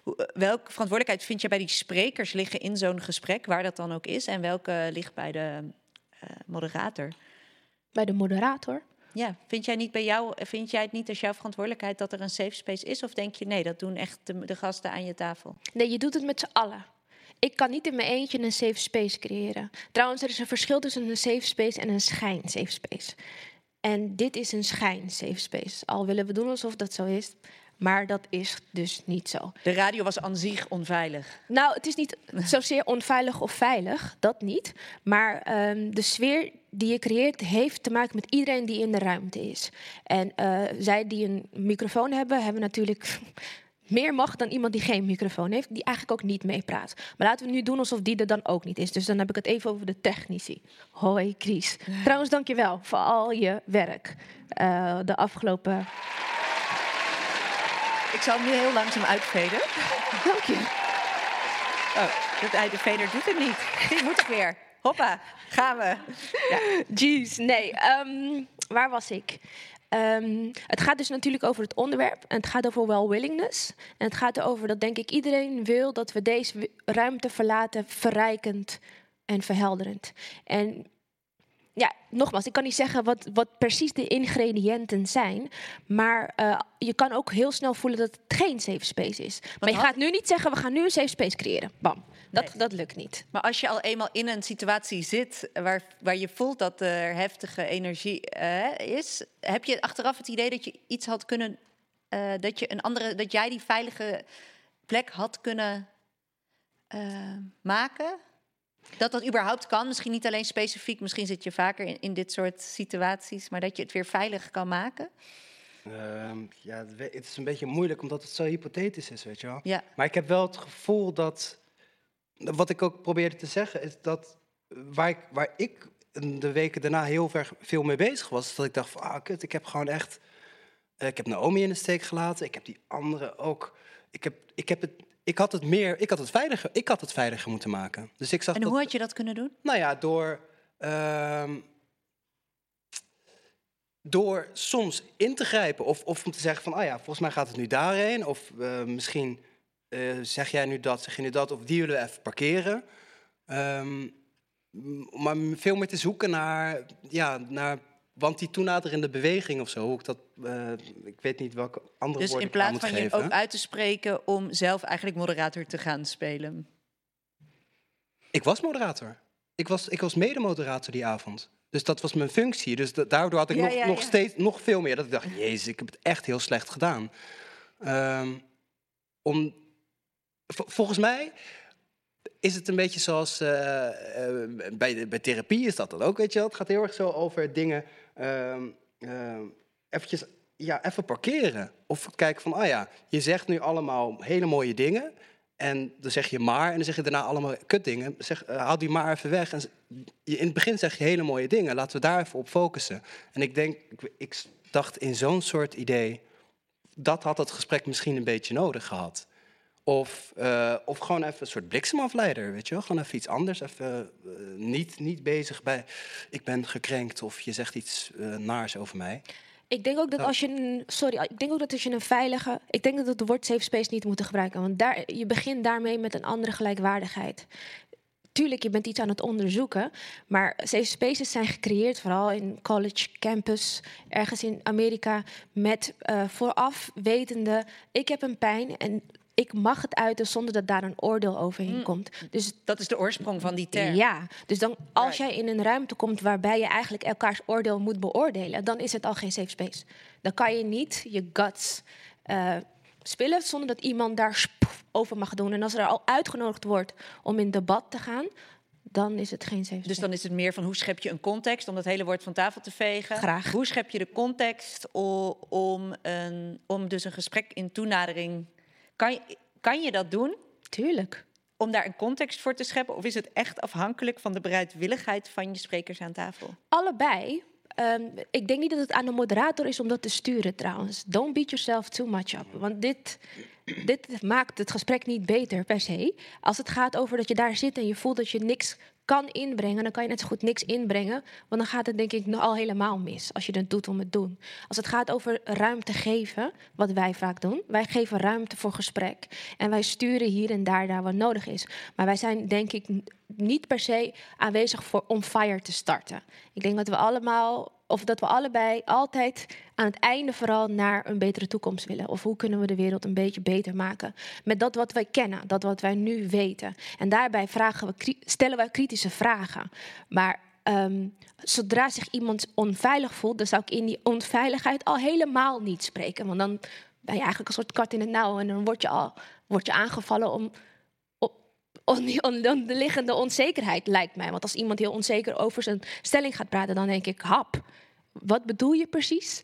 Waar, waarom dit? En dat, dat, dat schiet al helemaal niet op. Dus ik denk dat je in dat geval gewoon de juiste keuze hebt gemaakt. En ik zeg dit ook omdat ik wil dat je een beetje van die boete kleed af moet. Ja, ja, dat is gewoon, daar heb ik... Uh, ik ga in therapie, weet je wel. Nee, nee, maar daar heb je nu niks aan. nee, ja. Maar dat is wel iets wat ik zelf moet uh, vinden en zelf moet ervaren. Dus ja, ik, klopt. ik merk gelijk een soort weerstand. Ik denk, ja, dat kan je wel zeggen, maar... Weet het theater heeft last van zelfhaat. Lucien heeft last ja, van, van zelfhaat. Ja, ja. Wat wordt dit voor een uitzending? Ja, jeez. Ik heb... uh, we gaan door met deze therapeutische sessie. Mag ik nog, uh, nog je mag het zeggen, laatste woord Even zeggen, Lucien. Ja. Nou, omdat ik denk dat een veilige ruimte... Voor mij gaat het er ook heel erg om van één, dat je met zoveel mensen aan tafel zit... en dat het opgenomen wordt, dat andere mensen mee kunnen luisteren ja, is het überhaupt wel mogelijk om, dan, om je dan echt veilig te voelen? Weet je wel? Ik, ik vind het lekker om thuis uh, tegenover elkaar te komen te staan. Maar dan weet je ook van het is, het is oké.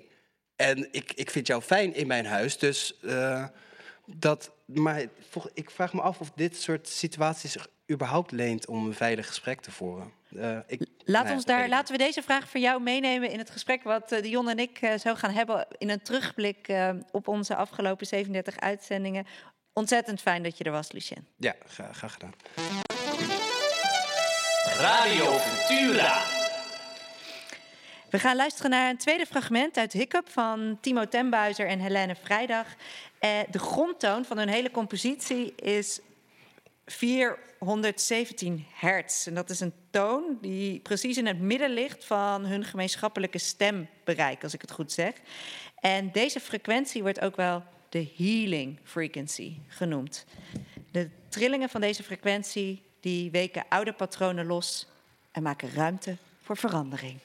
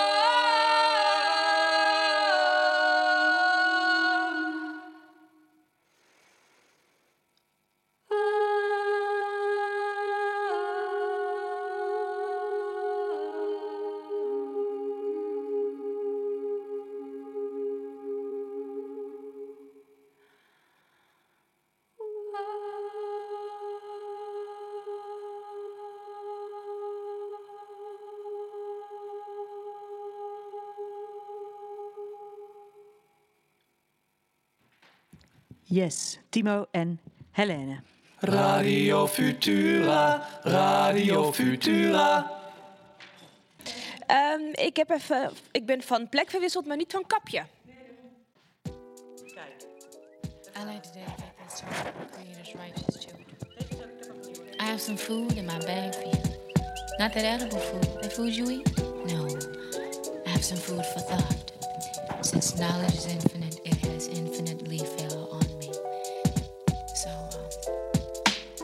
it was a stormy night. You know the kind where the lightning strikes. And I was hanging out with some of my artsy friends. Ooh, you, you. The night was long, the night went on. We were cooling out through the break of dawn. Incense was burning, so I'm feeling right. I see, I picked my friends like I picked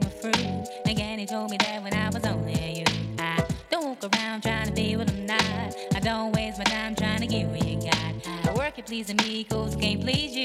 And that's why I do I do. My soul flies free like a willow tree. Do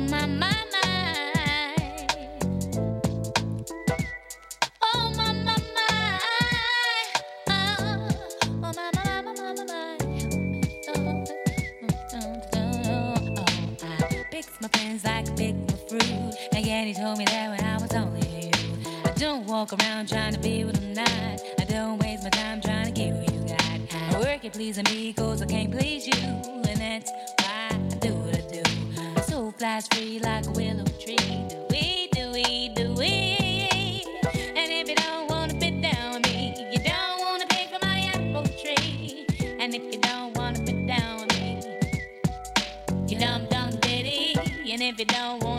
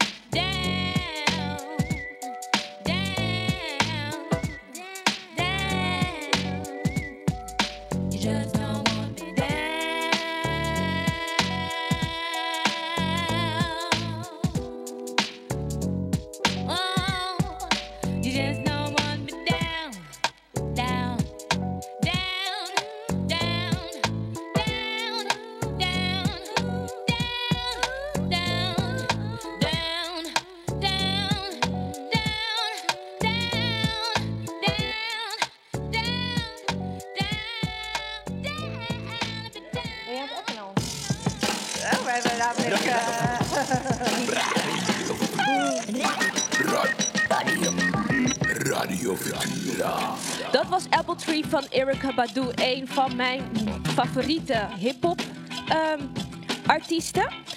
Apple Tree heb ik volgens mij al een keer gedraaid, ergens begin.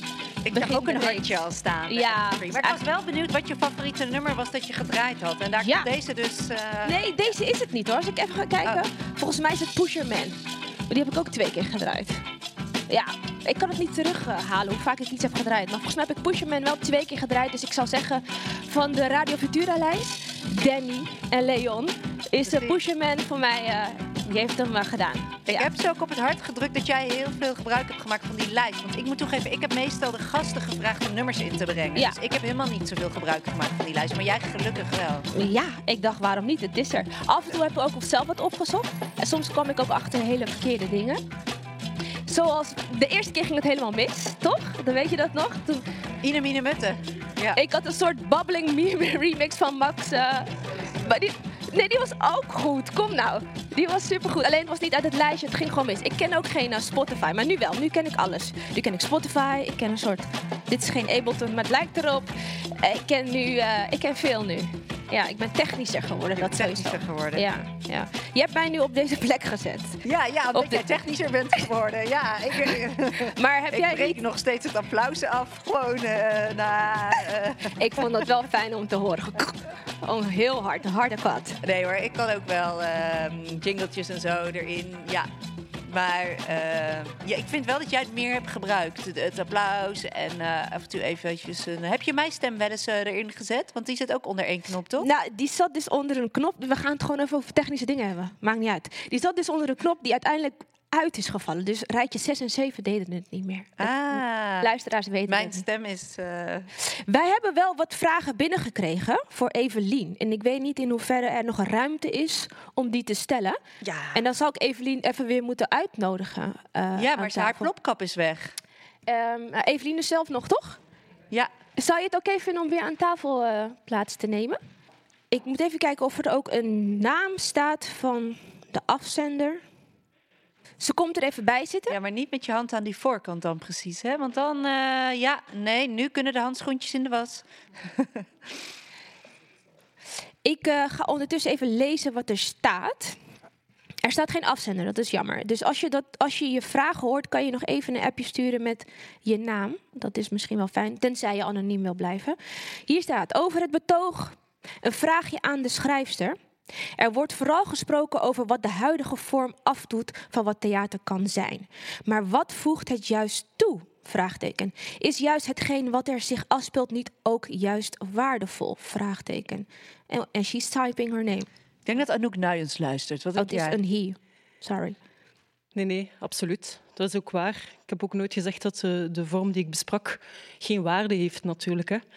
Uh, wat dat um, bijbrengt, ik ik heb een heel specifieke voorstelling in mijn gedachten die, laten we zeggen, als, die ik als recensent minder interessant vond, maar waarbij een hele Monty in Antwerpen recht stond, schreeuwde, uh, danste. Um, en dat brengt wel degelijk iets bij, of dat is wel degelijk waardevol. Het ging over een voorstelling um, rond migratie en jongeren van uh, migratieachtergrond die zich niet gehoord voelden en die zich door die voorstelling wel gehoord voelden. Daar kwam een community op af die zelden mm. in Theater de Monti in Antwerpen te zien is. Um, dus heeft dat een waarde, uiteraard. Dat heeft een sociale waarde, heeft een politieke waarde, heeft een maatschappelijke waarde. Alleen ga ik daar niet zo over. Als, als je mij vraagt wat is jouw beroep, dan zeg ik niet ik ben opiniemaker of moralist of hoofdredacteur van een krant die over alles zijn zegje heeft of zo. Ik ga over het kunstwerk. En de waarde die, de, die die voorstelling bijbrengt, ligt een beetje buiten mijn rechtstreekse bevoegdheid of zo. Daar mag iedereen het zijne van denken. En ik herken die waarde als mens. Maar als ik in de krant publiceer, dan publiceer ik als recensent.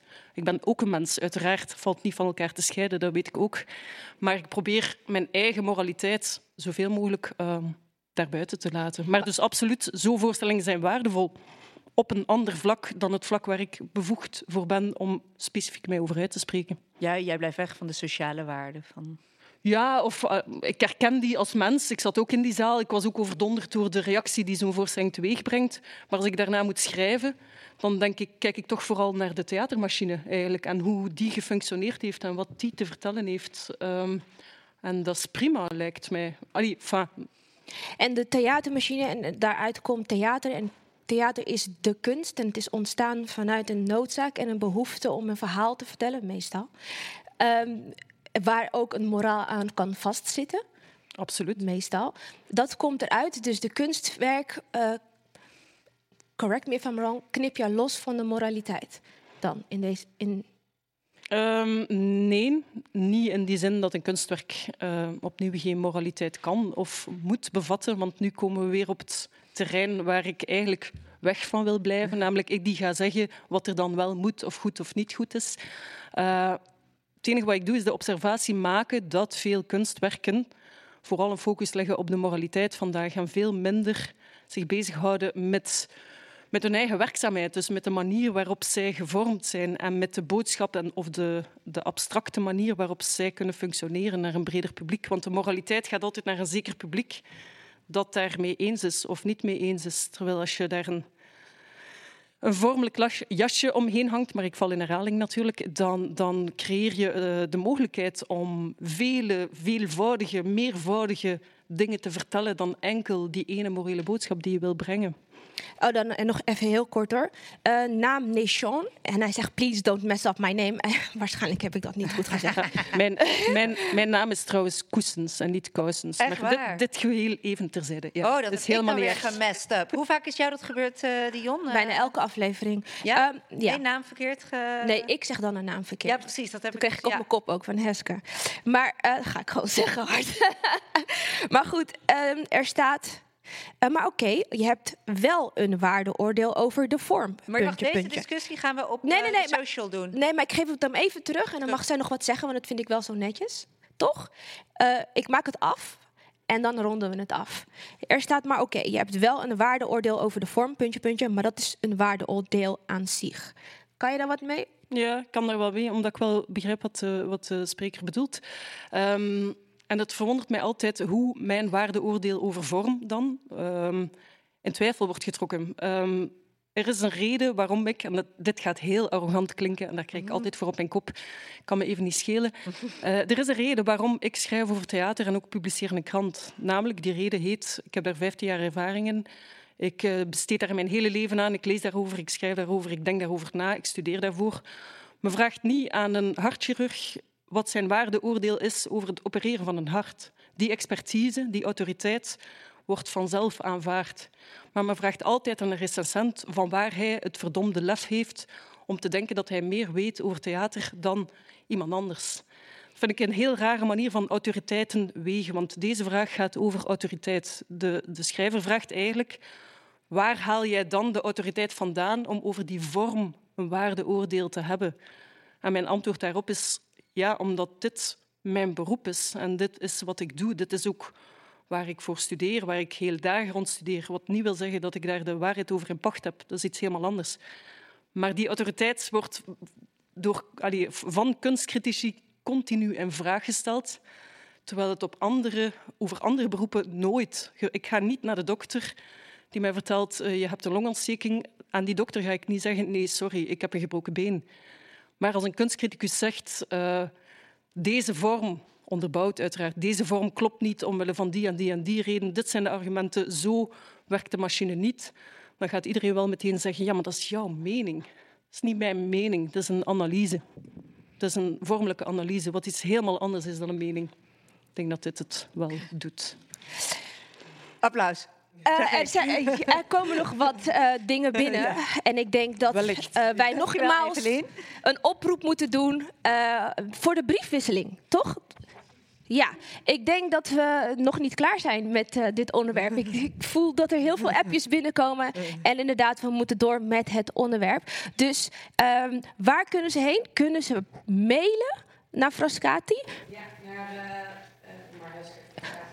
Uh, en uh, dan kan dat naar heske.frascatitheater.nl. Heske. Heske, je bent gek. Jouw inbox, jongen. Die H-E... H-E-S-K-E Frascati theater.nl. En dan moet het goed komen en dan komt het ook online en dan kunnen we eigenlijk daar verder discussiëren. Ja, want het gesprek stopt vandaag niet, hè, Dion? Nee, zeker niet. En ik, ik wil, moet ook echt mijn best doen om er niet op in te gaan.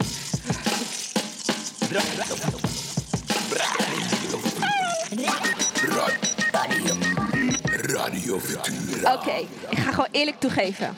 Dit is een van mijn spannendste fillers. Hoor je nou? Dit is de Tarantino. gaan we straks ook naar Leon en uh, Danny luisteren? ja, uh, Leon uh, heeft een voordracht. Daar eindigen we mee. Daar gaan we mee eindigen. Wat gaan we nu doen? We gaan het eventjes... Ik ben heel erg benieuwd eigenlijk om van jou te horen um, wat jij hebt... Um, wat jou het meeste... Wat jou...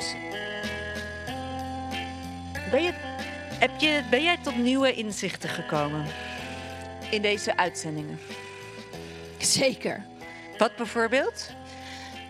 Um, een hoop. Maar we hebben er ook echt een hoop gehad. Ja. Uh, maar gisteren had ik een mooie. En toen we hadden een gesprek met een aantal um, ja, directeuren en mensen op posities in theaterland. Die, dus eigenlijk met name Alida Doors, Jolanda Spoel. Even kijken, Thibaut Dalpuit, uh, Mario van Schijk en Tobias Kokkelman. Zeg ik ze nou goed? Yes. Um, en toen vertelde um, Jolanda eigenlijk over hoe zij uh, in de sector heeft geknokt voor de positie waar ze nu zit. Ik zeg het even heel ja. erg uh, gechargeerd en plat. Maar um, haar verhaal en dat wat zij meemaakt, want zij, zij noemt zichzelf de generatie voor mij. Um, ze vertelt eigenlijk over de lange weg die is afgelegd. En over hoe trots ze is op deze generatie. En wat zij allemaal heeft moeten meemaken. En wat wij nu allemaal kunnen en doen. En hoe hard wij ook schreeuwen. En hoe sterk onze argumenten ook zijn. Dat ze daar heel erg trots op is. En ik dacht altijd dat dat mij boos zou maken. Want ik denk, jeetje, dan zijn we nu in 2020 nog steeds hiermee bezig. Met het emanciperen van een aantal onderwerpen. Terwijl het zo lang al gaande is. En toen zei ze, ja, maar het kan je ook empoweren. Het kan je ook kracht geven. Het kan je ook een andere kant op duwen. Het kan je ook nog hard laten gaan. Het klinkt cliché, maar ik moest het even horen. En, uh, maar omdat er dus wel voor jouw gevoel en voor haar gevoel ook wel dus ontwikkeling is. Omdat zij Om... dus ook zegt, er is, het heeft wel zin wat we doen of zo. Absoluut. Die zin. Die ja. zin en die... Die zin gaf hoop ineens. En dat zo in in de één voor laatste uitzending. Ja, dat was want je hebt een heleboel uitzendingen uiteindelijk gehad. Uh, ook over die hele battle om gewoon omgehoord en gezien Absoluut. te worden. Ja. En ik denk, het ging dus over plaatsmaken. En ik denk dat wij in heel veel uitzendingen gesproken hebben over de tijd waar we nu in leven. En hoe kunst daarin past. En hoe het als communicatiemiddel werkt om je verhaal kwijt te kunnen.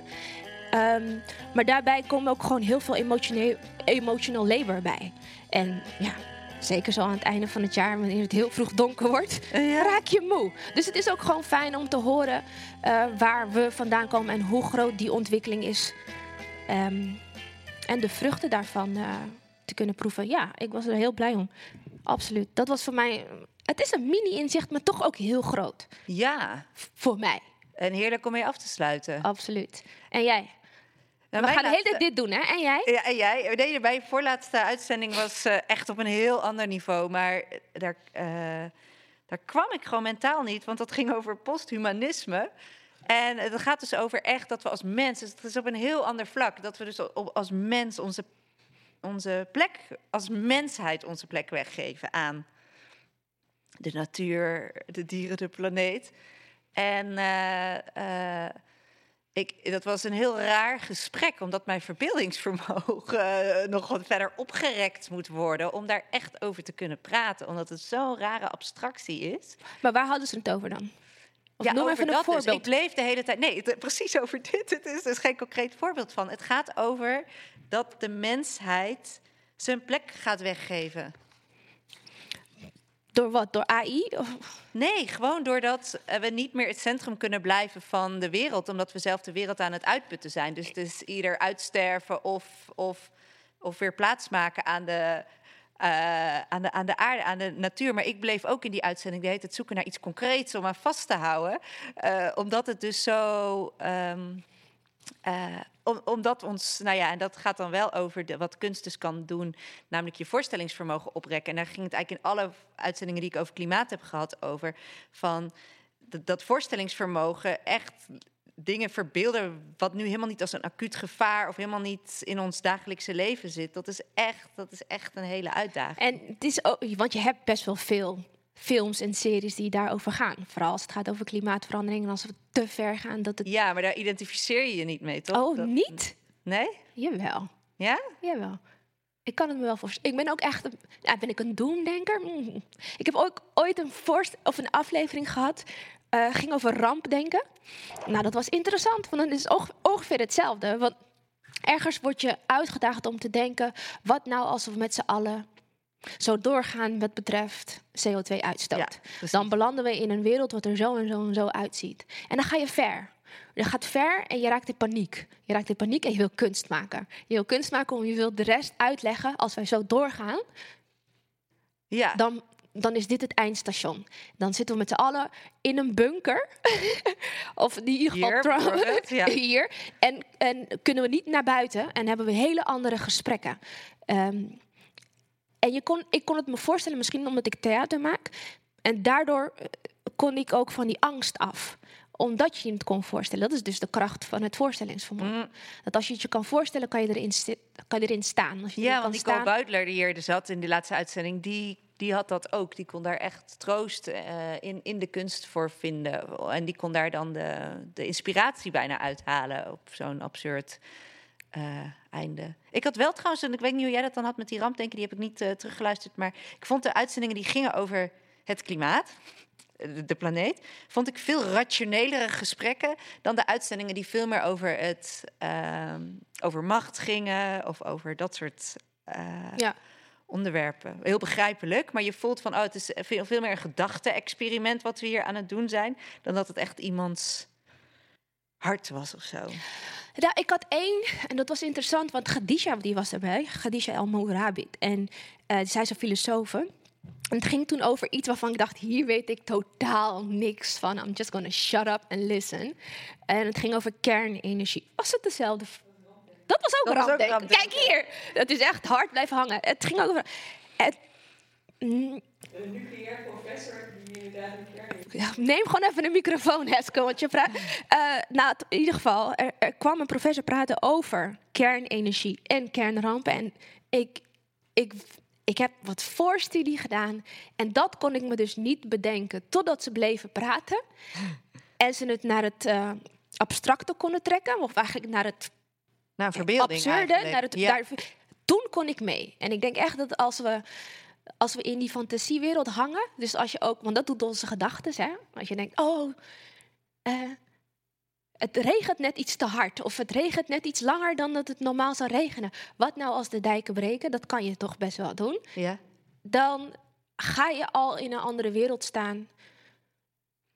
En ben je eigenlijk al je, je opblaasbare bootje aan het, Ja, aan het klaarzetten. Wat was eigenlijk je vraag? precies dit. Nee, je, je dwaalt. Je- ik heb wel eens inderdaad ergens ingezeten waarvan ik denk, hier weet ik echt net iets te weinig over. Maar als het over kunst gaat of als het naar de kunstvorm getrokken wordt, dan kon ik mee. Echt alleen dan. En anders werd het gewoon heel wetenschappelijk en filosofisch. Wat ook prima is. Ik heb ook echt heel veel geleerd. En mijn begrippen, mijn begrippenregister is ook veel groter. Ja, ja, het was wel echt een snelkookpan aan eh, inzichten. Eh, maar waar eh, heb je iets geleerd over waar we staan in de wereld of zo? Je vraagt het echt alsof je denkt, hè? Waar we staan in de wereld. Ik denk dat wij tegelijkertijd in een eh, heel bewust in de wereld staan. Dat komt ook om, door de berichtgeving, denk ik, door de media, door snelle contacten, door je, je eerste scherm, wat in je, wat in je zakken, wat in je zak woont. En tegelijkertijd, door zoveel prikkels, staan we ook heel ver af van de natuur en van de kern en het zijn. Zo voelt het, heel dubbel. Je staat in een soort Black Mirror aflevering. En je staat heel ver af van het lijfelijke. En nu, zeker met de pandemie, en dat merkte ik tijdens de, de repetities vandaag. Want ik repeteer dus met Paddy Gids. eh, wat een, eh, een theatermaker is. Hij is van Ghanese komaf. En ehm, hij maakt een muziek slash dansvoorstelling. eh, geëngageerd, maar geheel in verbeelding, want hij spreekt niet. en dus alles is in, in, in, in movement en in plaatjes. En ik, ik geloof dat het een hele mooie voorstelling wordt, als ik het zelf mag zeggen. En hij vertelde dat hij ineens emotioneel werd toen een van de muzikanten naast hem kwam staan. En die, die eh, doet een soort bewegingssequence Uh, uh, en hij doet er ook eentje. En het is een soort duet naast elkaar en in twee verschillende dynamieken. En hij vertelde mij achteraf hoe emotioneel hij werd, omdat er eindelijk iemand naast hem stond en hij voelde die warmte. Mm. En toen dacht ik, we leven in een tijd dat we elkaar bijna niet meer aanraken. Hoe weird is dat als je heel je leven lang mensen mag groeten met een hand, met een knuffel, uh, naast iemand kan staan in de bus of simpelweg ergens aankomen en kennis maken door een hand te geven. En dan dat je in een wereld komt waar dat absoluut niet meer kan. Dan raak je emotioneel als iemand ineens naast je gaat staan die je heel lang niet meer hebt aangeraakt, maar wel heel lang kent. Dus ik vertelde hem dat komt ook omdat we gewoon nu in een tijd leven waar de crisis heerst. Dus de coronacrisis. Dus je lijf reageert daarop. Als je zijn lichaam voelt, van die is warm van de bewegingen. En je bent zelf met je lijf bezig. Dan raak je iets essentieels aan. Waarvan je niet wist dat je het per se miste als je zeg maar gewoon nuchter uh, door de stad loopt. En ik vind dat. Weer ben ik je vraag kwijt. Ik, merk dat, dat toen ik dat voelde net en ik ook, dat, dat ik dacht, ja, de wereld is anders. We trekken shit in andere perspectieven. En ik ben er blij om. Want ja, waarom zou je stilstaan, toch? ja. Ja, ik vind het ook. Want er zijn best wel wat uitzendingen ook uh, uh, uh, pittig, laat ik maar zeggen, geweest. Of ongemakkelijk of schurend. maar het is... Had jij veel van die? een aantal. Welke was het meest pittig? En waarom? Ehm, ik vond denk ik die derde uitzending waar jij ook bij was, over macht ook. Dat vond ik geen. Uh, op een onprettige manier vond ik dat. Weet je nog met Monier samen? Ja, met Monier Samuel. Uh, Tobias weer. Ja. Lara Staal. Dat waren ze. En zonder de op details in te gaan. En nou ja, vond ik dat een. Maar ik vond het ook vanuit een groter perspectief, uh, uh, dus even weg van die machteloosheid als je er zit of zo, vond ik het echt super belangrijke uitzendingen. En denk ik zelfs die hele reeks uitzendingen waar, uh, waar polariserend werd, dingen gebeurden of zo, denk ik van ja, het was ook echt wel. Er is gewoon wat gaande. Er zijn gewoon machtsverschuivingen gaande. En ik weet niet of het erg is dat het even schuurt in een gesprek. En dat er even ge, uh, dat het even daarop blijft hangen of zo. Want het betekent ook dat er wat gebeurt. Ik weet niet wie dat nou zei, volgens mij Romano Vrede, maar van schuren, hè, slijpt een diamant of zo. Het moet even nu schuren. Ja, ik zag de quote ergens hangen ook. Oh ja? Ja. Anders moet Zonder wrijving geen groei. Zonder ja. wrijving geen groei. Toch? Of... Ja, dat komt weer uit een andere. Was dat 9 oktober? Ik weet dat niet. Zonder wrijving geen groei. Ja, kan. Kan best. Heb jij veel van dat soort uitzendingen gehad? Ik vond gewoon dat er dan in de vorm dat we eigenlijk de uitzendingen wilden gaan over iets, maar in plaats daarvan gebeurde exact dat aan deze tafel. En dat was eigenlijk super interessant. Alleen was er niet altijd tijdens die uitzending de mogelijkheid om dat te ontstijgen. Maar ik denk dat je nu terugkijkt in die reeks en die uitzendingen verzamelt, dat je een heel goed beeld hebt van iets wat er nu speelt in onze maatschappij. Absoluut. Dat dat waardevol is. Ik wenste meer wrijving. Ik wou dat we net iets kritischer konden um, praten met elkaar. Ik vond al snel dat we het met elkaar eens waren. Ik had af en toe wel iets feisties nodig. En soms gebeurde dat ook. En soms deed ik het met opzet. Ja. Geef ik ook gewoon toe. Maar ik, ik, het, het, bleef, het bleef veilig. En dat is prima. Zeer zeker. Maar soms had ik die wrijving nodig om net iets harder te kunnen groeien. En ik weet niet waar het per se aan lag. Die voorzichtigheid, zeg maar. Hm. Kan jij je een specifiek moment herinneren dat je omvergeblazen werd? Of dat je juist dacht, oh, is de tijd al om? Echt een, gewoon een goed flow moment. Ik had een één uitzending met uh, Hasna Bouassa. Zij heeft uh, teksten, zij is journaliste, zij heeft teksten geschreven uh, voor Frascati. Uh, monologen waarin zij de um, eerste generatie Marokkaanse Nederlandse, of ja, dus Marokkaanse vrouwen die naar Nederland kwam, eigenlijk een gezicht wil geven. En die monologen zijn hier voorgedragen in de studio. En bij één uitzending was op haar verzoek Sabri Saat Al-Hamous aangeschoven. En dat was een uitzending die vloog voorbij. En dat was zo gaaf, want het ging aan de een. Uh, zij, eerst was er die voordracht uh, van, van die tekst. Maar uiteindelijk ging dat gesprek over, ehm, eh, over, over de rol van vrouwen. En het eh, echt het, het ehm, schoot van dat we het hadden over eh, eh, seks tot met heel grote politieke problemen in het Midden-Oosten. En het ging echt naar microniveau, macroniveau over die ongelijkheid of over, en over wat vrouwen uit het Midden-Oosten al dan niet anders hebben dan vrouwen die hier in Nederland geboren worden, Nederlandse vrouwen. En ja, en, dat gesprek gaf op zoveel verschillende niveaus, ja, ook weer kaleidoscopisch, schoot het om, om dat thema heen. En er was heel veel wrijving en tegenspraak, maar er is zoveel ook gelachen en juist elkaar weer gezocht en weer hard gezegd waar, eh, nou ja, ze- waar ze tegen stonden. Ik vond dat wel echt een... eh, Goud. Ja, ik vond dat Ja. wel echt een mooie... Klinkt ook goed. Ik heb ook een aantal van die echt, die echt in de boeken kunnen ook. Ik ga ze denk ik ook allemaal verzamelen. Ik denk, Wat ja, van die? Een soort top 10. eh, Momenten. ja, nou, uitzendingen wel. Maar welke moet ik nog luisteren? Oeh. Die van Femicide is mij dierbaar. Ja. Die heb ik al geluisterd. Ja? Met Koudharmonie, ja. ja. Die is mij dierbaar. Nou, die van gisteren ook. Ja. Zeer zeker. Ehm, met de jongeren, ook die dag daarvoor. Wacht, bijna allemaal deze week. 37 en 36. Ja, Ja, Schrijf mee als je meeluistert. Uh, Dan heb ik ook nog eentje. eh, eentje vroeg ik. Hè? Nee, sorry. Ik heb oh, Witte Mensen, we moeten praten, nummer twee. Nummer twee. Die ging ook sky high, volgens mij, of was dat nummer één? De eerste Black Lives Matter ehm, aflevering ging ook heel hard. Ja. Die, maar die vond ik Oh, ook ja, die heel tweede bizar. vond ik ook te gek, ja. Ik heb er nog een aantal theaters ritueel. Oh, dat was mijn lievelingsuitzending Ja. eigenlijk. Eigenlijk mijn... Ik vond dat er echt wat nieuws is gezegd. Ja, ik ook. Shit. Ja, hè?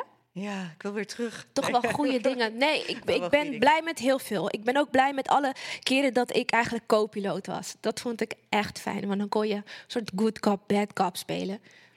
En je weet dat ik hou van eh, de bad cop Bad rol. cop, ja. Dus eh, ik was dan helemaal in mijn element, snap je?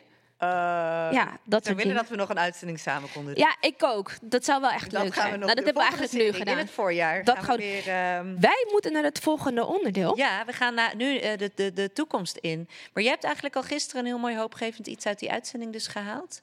Ehm, over de, de strijd je- die... Ja, het zit gewoon heel eventjes om dit af te sluiten met een soort toekomst... eh, Nou, ik had iets dingen. Want anders. voordat we de schakel naar Leon maken, want die heeft een... eh, ja, die is behalve onze fantastische vormgever van muziek ook... heeft hij ook een eh, zeer eh, onheilspellend toekomstscenario voor ons opgeschreven. Absoluut. Er zijn een aantal momenten die ik. de ene waar Erasmus sprak. Erasmus is een regiestudent. En ik, ik heb niet terug kunnen halen welke. het was in het ITS Week. Ik ga het straks even opzoeken hierna en dan ga ik het nog even zeggen. Maar het was een, een, een jonge student van de regieopleiding die zei. Ehm, Oh, was dat een student? Ik dacht Ja. dat het een soort de Yo. Erasmus was, van Erasmus Universiteit. Gewoon Nee, een soort... Het was echt iemand rond de twintig.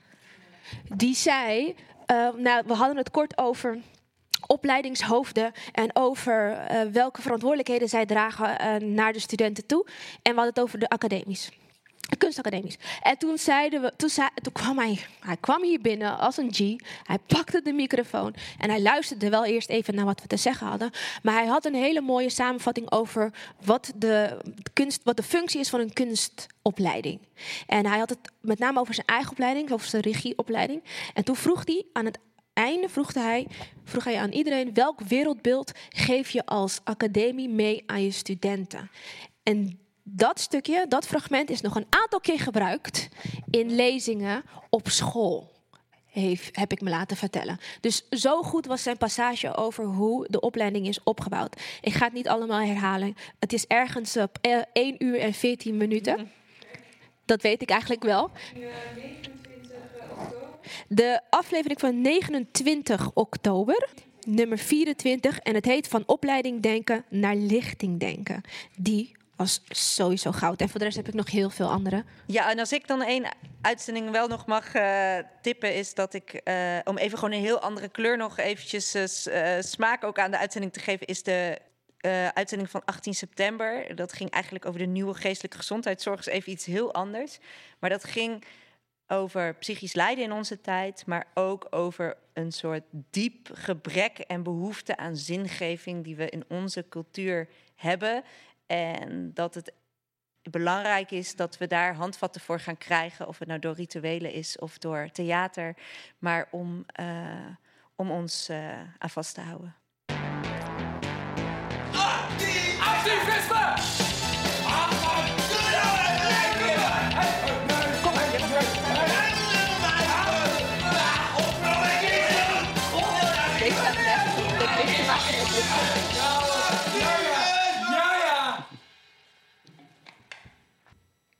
Oh, hoi, ik mag meteen beginnen gewoon. ja, ik dacht, ik krijg nog een... Uh... Ja, ik heb een, uh, ik heb een verhaal geschreven. Um, het heeft geen titel, maar het is eigenlijk uh, naar aanleiding van de, de toekomst van Frascati. En met Frascati is natuurlijk heel erg het nieuws geweest met alle subsidies die zijn gestopgezet voor de ehm, Frascati-producties en jong talent. En terwijl ik het verhaal schreef, veranderde het nieuws de hele tijd. Maar daar, het, het, heeft geen titel, maar... Ehm, ik noem het dan Frascati 2023. Het is vrijdagavond, 27 november 2023 in Amsterdam. Samen met mijn denkbeeldige dochter van 10, laten we haar voor het gemak, nou, Ingrid noemen, loop ik verdwaald door het centrum. We slaan de Nes in. Er hangt een dikke mist door de koude en verlaten steeg, bijna alsof er een rookmachine aanstaat. Door de mist heen zie ik in de verte iets knipperen. Een rood bord met witte letters. Wat is dat? vraagt Ingrid. Verdomd, zeg ik. Dat moet Frascati zijn. Fras wat? Frascati theater. God, joh, dat ben ik helemaal vergeten. Huh? Wat is theater? vraagt Ingrid. Is dat een soort filter? Ik denk aan alle mooie voorstellingen die ik daar gezien heb. Aan de tijd dat ik er zelf heb mogen werken als aspirant programmamaker. En theater is iets van vroeger, leg ik eruit. Iets waar hele mooie dingen gebeurden. En we lopen richting de ingang. Er staat een harde wind die guur door de steeg waait. En als we aankomen bij de deur, zien we een zwerver liggen. Hij kreunt iets onverstaanbaars. Ik wil over hem heen stappen, maar dan kijk ik nog eens goed. Die guitige blik, dat stoppelbaardje, kleurrijke sokken verstopt onder gimpjes, die speelse krulletjes. Dat kan maar één iemand zijn. Mark? De zwerver kreunt en steunt wat. Hij probeert op te staan. Positief advies, mompelt hij. En daarna bellen. Ik moet heel even iemand bellen. Als ik nou gewoon heel even iemand bel, dan, dan... Nog voordat hij zijn zin af kan maken, neemt hij een hijs van zijn crackpijp. Ik ben motherfucking Mark Timmer, motherfuckers! Schreeuwt hij de steeg door, waarop hij weer in slaap valt. En de deur van Frascati staat gewoon open. En voorzichtig stap ik met Ingrid het café binnen. Er ligt gebroken glas op de vloer. En ik voel iets langs mijn benen schieten. Het zijn ratten. Dikke, vette, vieze ratten die over de grond kroelen. En aan de muur hangt nog de iconische neontekst naar het nummer van de Talking Heads. De helft is eraf gevallen, waardoor er nu alleen nog This Must Be te lezen is. Ik denk aan alle keren dat ik hier na afloop van een voorstelling een biertje dronk en mij verloor in felle discussies over wat we net gezien hadden. Het café lijkt nu meer op een vervallen kraakpand. Ingrid houdt mijn hand extra stevig vast. Ik vind theaters maar eng, denk ik, fluistert ze in mijn oor. Je zou verwachten dat het stinkt in zo'n vervallen plek als deze. Maar vreemd genoeg hangt er een zoete geur door het verlaten café. Ik probeer te ruiken waar deze lucht vandaan komt. En dan zie ik het. Verstopt in de hoek staat een kraampje. Wafels en Nutella staat er met grote letters boven geschreven. En achter het kraampje staat iemand. Hij heeft een wafelkostuum aan en een wafelmasker op. Het is een soort wafelmascotte. Wafel? vraagt hij. Lekker, roept Ingrid meteen. De wafelverkoper heeft een naambordje opgespeld. Florian Meijer, lees ik. En daaronder, een wafel maakt u blijer. Florian, wat doe jij hier? Is, is dit een act? Florian Meijer, een wafel maakt u blijer, is het enige dat hij kan uitbrengen. En nog voordat, hij iets kan, en nog voordat ik, ik iets kan terugzeggen, hoor ik iemand anders in mijn oor fluisteren. Hey, knoflooksaus? Naast de wafel- en Nutella-kraam staat een Turkse pizzatent. En als ik verder kijk, zie ik dat de hele ruimte is gevuld met kraampjes, eetentjes en foodtrucks. Het café is veranderd in een food court en entertainment area. Ik zie een McDonald's, ik zie een Dunkin' Donuts. Er is een souvenirwinkel vol Frascati merchandise, van Frascati t-shirts tot Frascati waterpijpen. En dan hoor ik muziek. Verschrikkelijke kermismuziek. Waar komt die toch vandaan? Kennen jullie deze? Nog, nog, nog, nog, nog? Hoor ik iemand gillen. Het is Gian van Grunsven. Die op de grote letter M van het McDonald's-logo is geklommen. Ze heeft een microfoon vast waar Radio Historica op staat geschreven. En naast haar staat Dionne Verwij, die druk in de weer is met een soundboard gevuld met alleen maar airhorns. Ja, dus, uh, knoflooksaus, zegt de man. Hij is kalend en heeft een doordringende blik in zijn ogen. Sadetti? Wat ben je aan het doen? Wat is dit? Hé hey, vriend, wil je knoflooksaus bij je Turkse pizza of niet? Ik staar de man vol ongeloof aan. Sadetti, jij maakt juist zulke scherpe voorstellingen over identiteit. Je kan toch niet weggezet worden als een of ander slecht stereotypetje met een nog slechter accent? En dit kan echt niet, het is verdomme 2023. Even is het stil. Sadetti zucht. Nou goed. Dan geen knoflooksaus, toch? Tiz. En hij loopt boos weg. En ik kijk nog eens verder de ruimte door.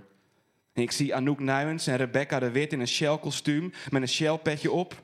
Ze geven me een folder en beginnen een onbegrijpelijk verhaal over shareholders. En Charlie Chung is verkleed als Charlie Chaplin. Hij zegt zelf ook dat hij het heel flauw vindt. Maar ja, je moet iets. Voor een euro kan je met hem op de foto. En Laura van Dolron zit voor een tafeltje met verregende tarotkaarten niemands toekomst te voorspellen.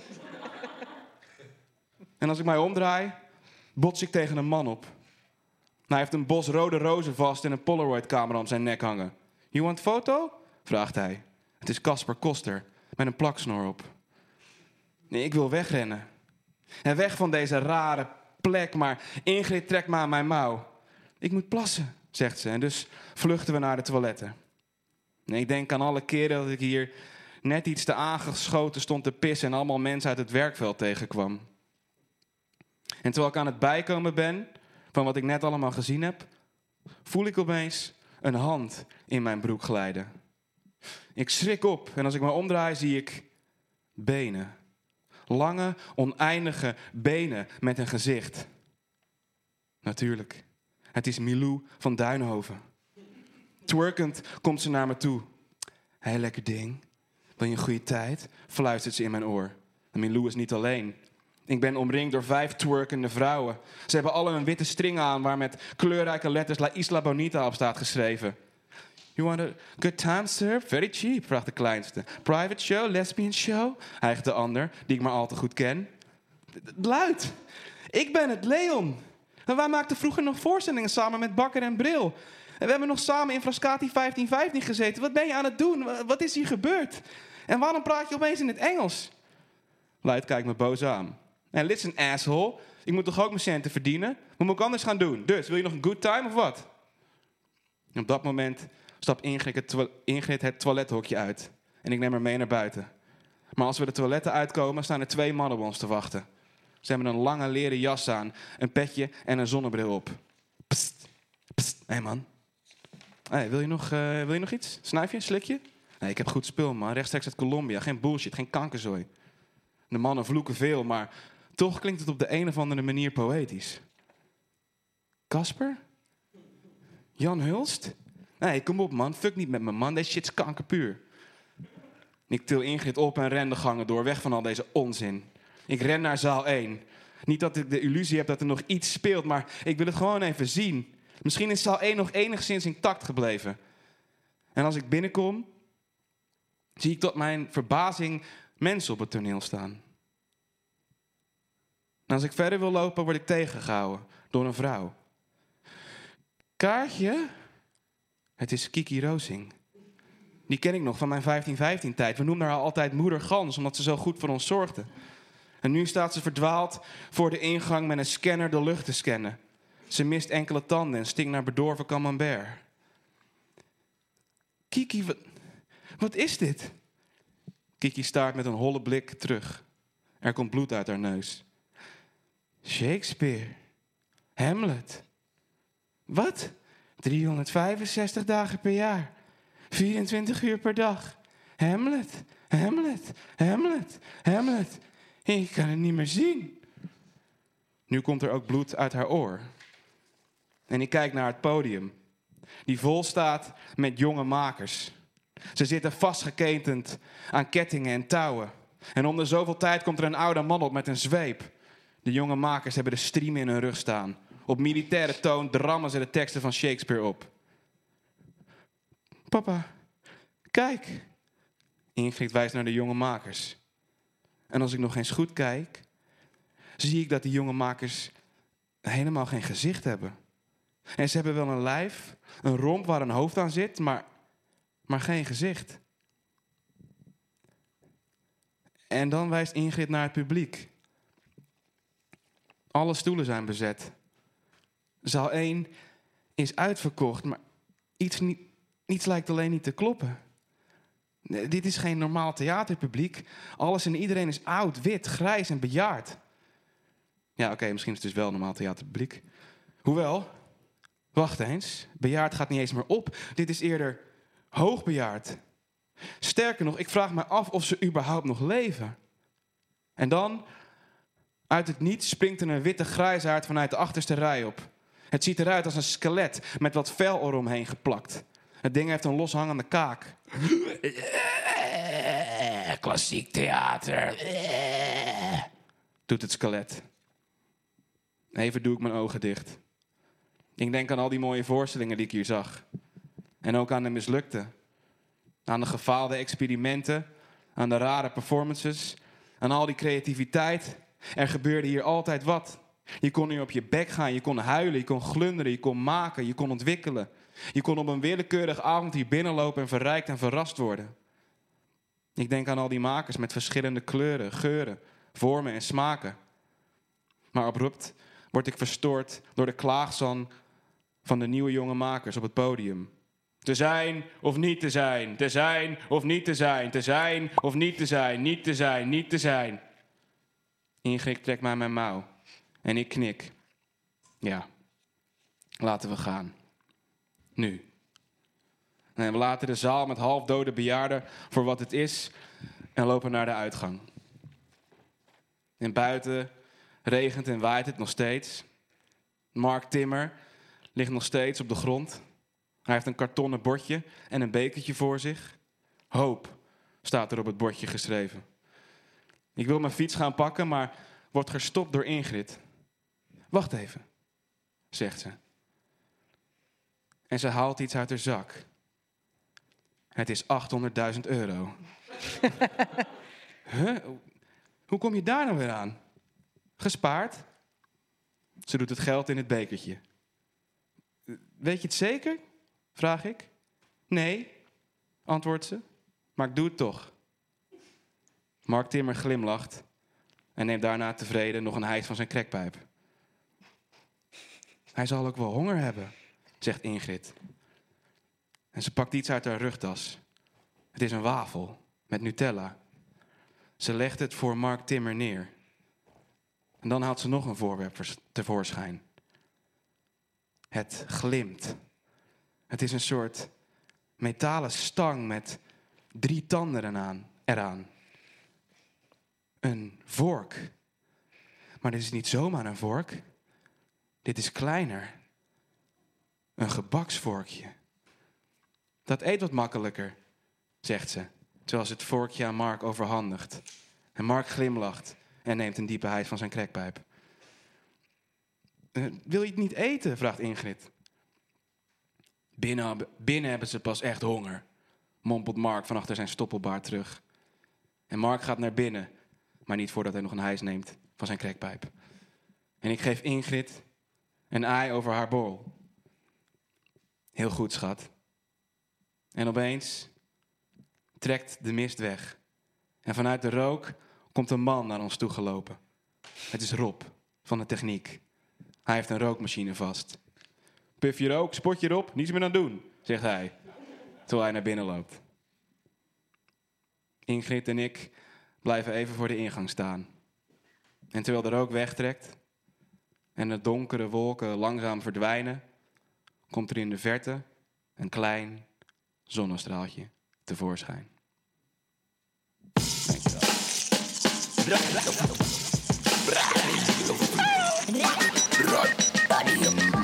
Radio Futura. En dit was het dan. Dit was het, hè? Ja, dat was net nog even Leon Priel. En eh, hij heeft deze filler gemaakt. Samen met Danny Lucas. We luisteren voor de laatste keer naar. Zou je denken, dat is dit de laatste keer? I don't know. Komen we terug? Ik weet het niet. En ineens hebben we geen woorden meer. Dit was het. Dit was de laatste Radio Futura. We hebben ehm 38 of 39 keer. 38? 38 keer hebben wij radio gemaakt, samen. Ehm, en ja, we hebben je zojuist al verteld hoe we, hoe we dat hebben ervaren. Ik denk, ik blijf bij mijn woorden. Ik vond het fantastisch. Leerzaam, eh, vruchtbaar. Ehm, ik denk dat de reeks sowieso ergens in een, een nieuwe vorm van tin opgeslagen wordt. Eh, of niet? Ja, het was in zijn eh, Wil je al huilen, Gian? veelheid van kleuren. Denk ik wel een mooie, mooie afspiegeling van waar we nu staan. Ik ben heel benieuwd hoe we hier over twee jaar of over vijf jaar naar terugkijken. Ik wil nog één keer eh, iedereen bedanken. Zeker Frascati Producties. Zij hebben dit eh, waar kunnen maken. En ik ben blij met het gebaksvorkje van Ingrid. Want we gaan waarschijnlijk door. We weten niet hoe, maar we gaan wel altijd door. Gewoon met Frascati zelf. En ehm, wil je nog namen noemen? Wie je Ik wil voor vanavond in ieder geval Evelien Koesens en eh, Lucien Rentmeester heel erg eh, bedanken voor hun eh, inhoudelijke bijdrage aan deze avond. Zeker. Leon ook. Een beetje een fantastische verhaal. Dankjewel, Leon Bril. En Ik wil jou bedanken. Ik wilde Timo nog even bedanken. Zij en Helene. mogen nog. Mogen ze nog? Ja, maar zij gaan we daar nou nog wat zeggen? Nee, toch? Nee, dat is Dus waar. Dan moet ik Bedank ze alvast maar. bedanken. Doe maar. Ja, toch? Nou, bij deze. Timo en Helene, dank jullie wel voor jullie bijdrage. Het was eh, voor zover adembenemend mooi. Minimaal dat. Gian, dank je wel. Ja, jij ook echt bedankt. Bedankt voor de, voor de uitzendingen die je geïnitieerd hebt. Voor de mensen die je hebt samengebracht. En ik heb daar heel veel van geleerd. En eh, ik heb ook veel van eh, jouw eh, te- nieuw technisch inzicht eh, geleerd. Gian, jij bedankt voor je scherpe vragen vooral. Voor je, voor je dieptegesprekken ook. Dat ook, want daar ben je super goed in. Eh, je journalistieke kwaliteiten gingen sky high. Dat, dat heb ik wel terug kunnen luisteren. Dus dank je wel voor die nieuwe skills die ik heb overgenomen van je. En we gaan dan nu luisteren. Ja, we eindigen met het laatste fragment uit Hiccup. Eh, ehm, de compositie van Timo Tenbuizer en Helene Vrijdag. En het is het einde van hun dialoog en het einde van deze Radio Futura. Oh, oh.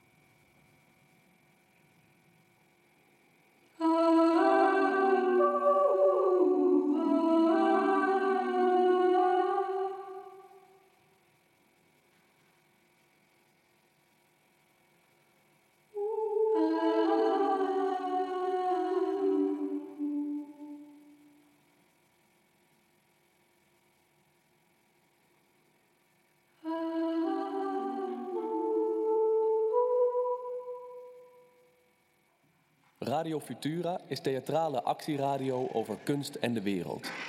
Van september tot eind november op woensdag, donderdag en vrijdag tussen 7 en half 9 live te bezoeken in de NES, live te streamen via de website en later terug te beluisteren via Soundcloud. Radio Futura is een programma van Frascati Producties, gepresenteerd door Dionne Verwij en Gian van Gunsven. In een decor vormgegeven door Julian Meewald en met muzikale vormgeving van Leon Bril en Danny Lukkeze.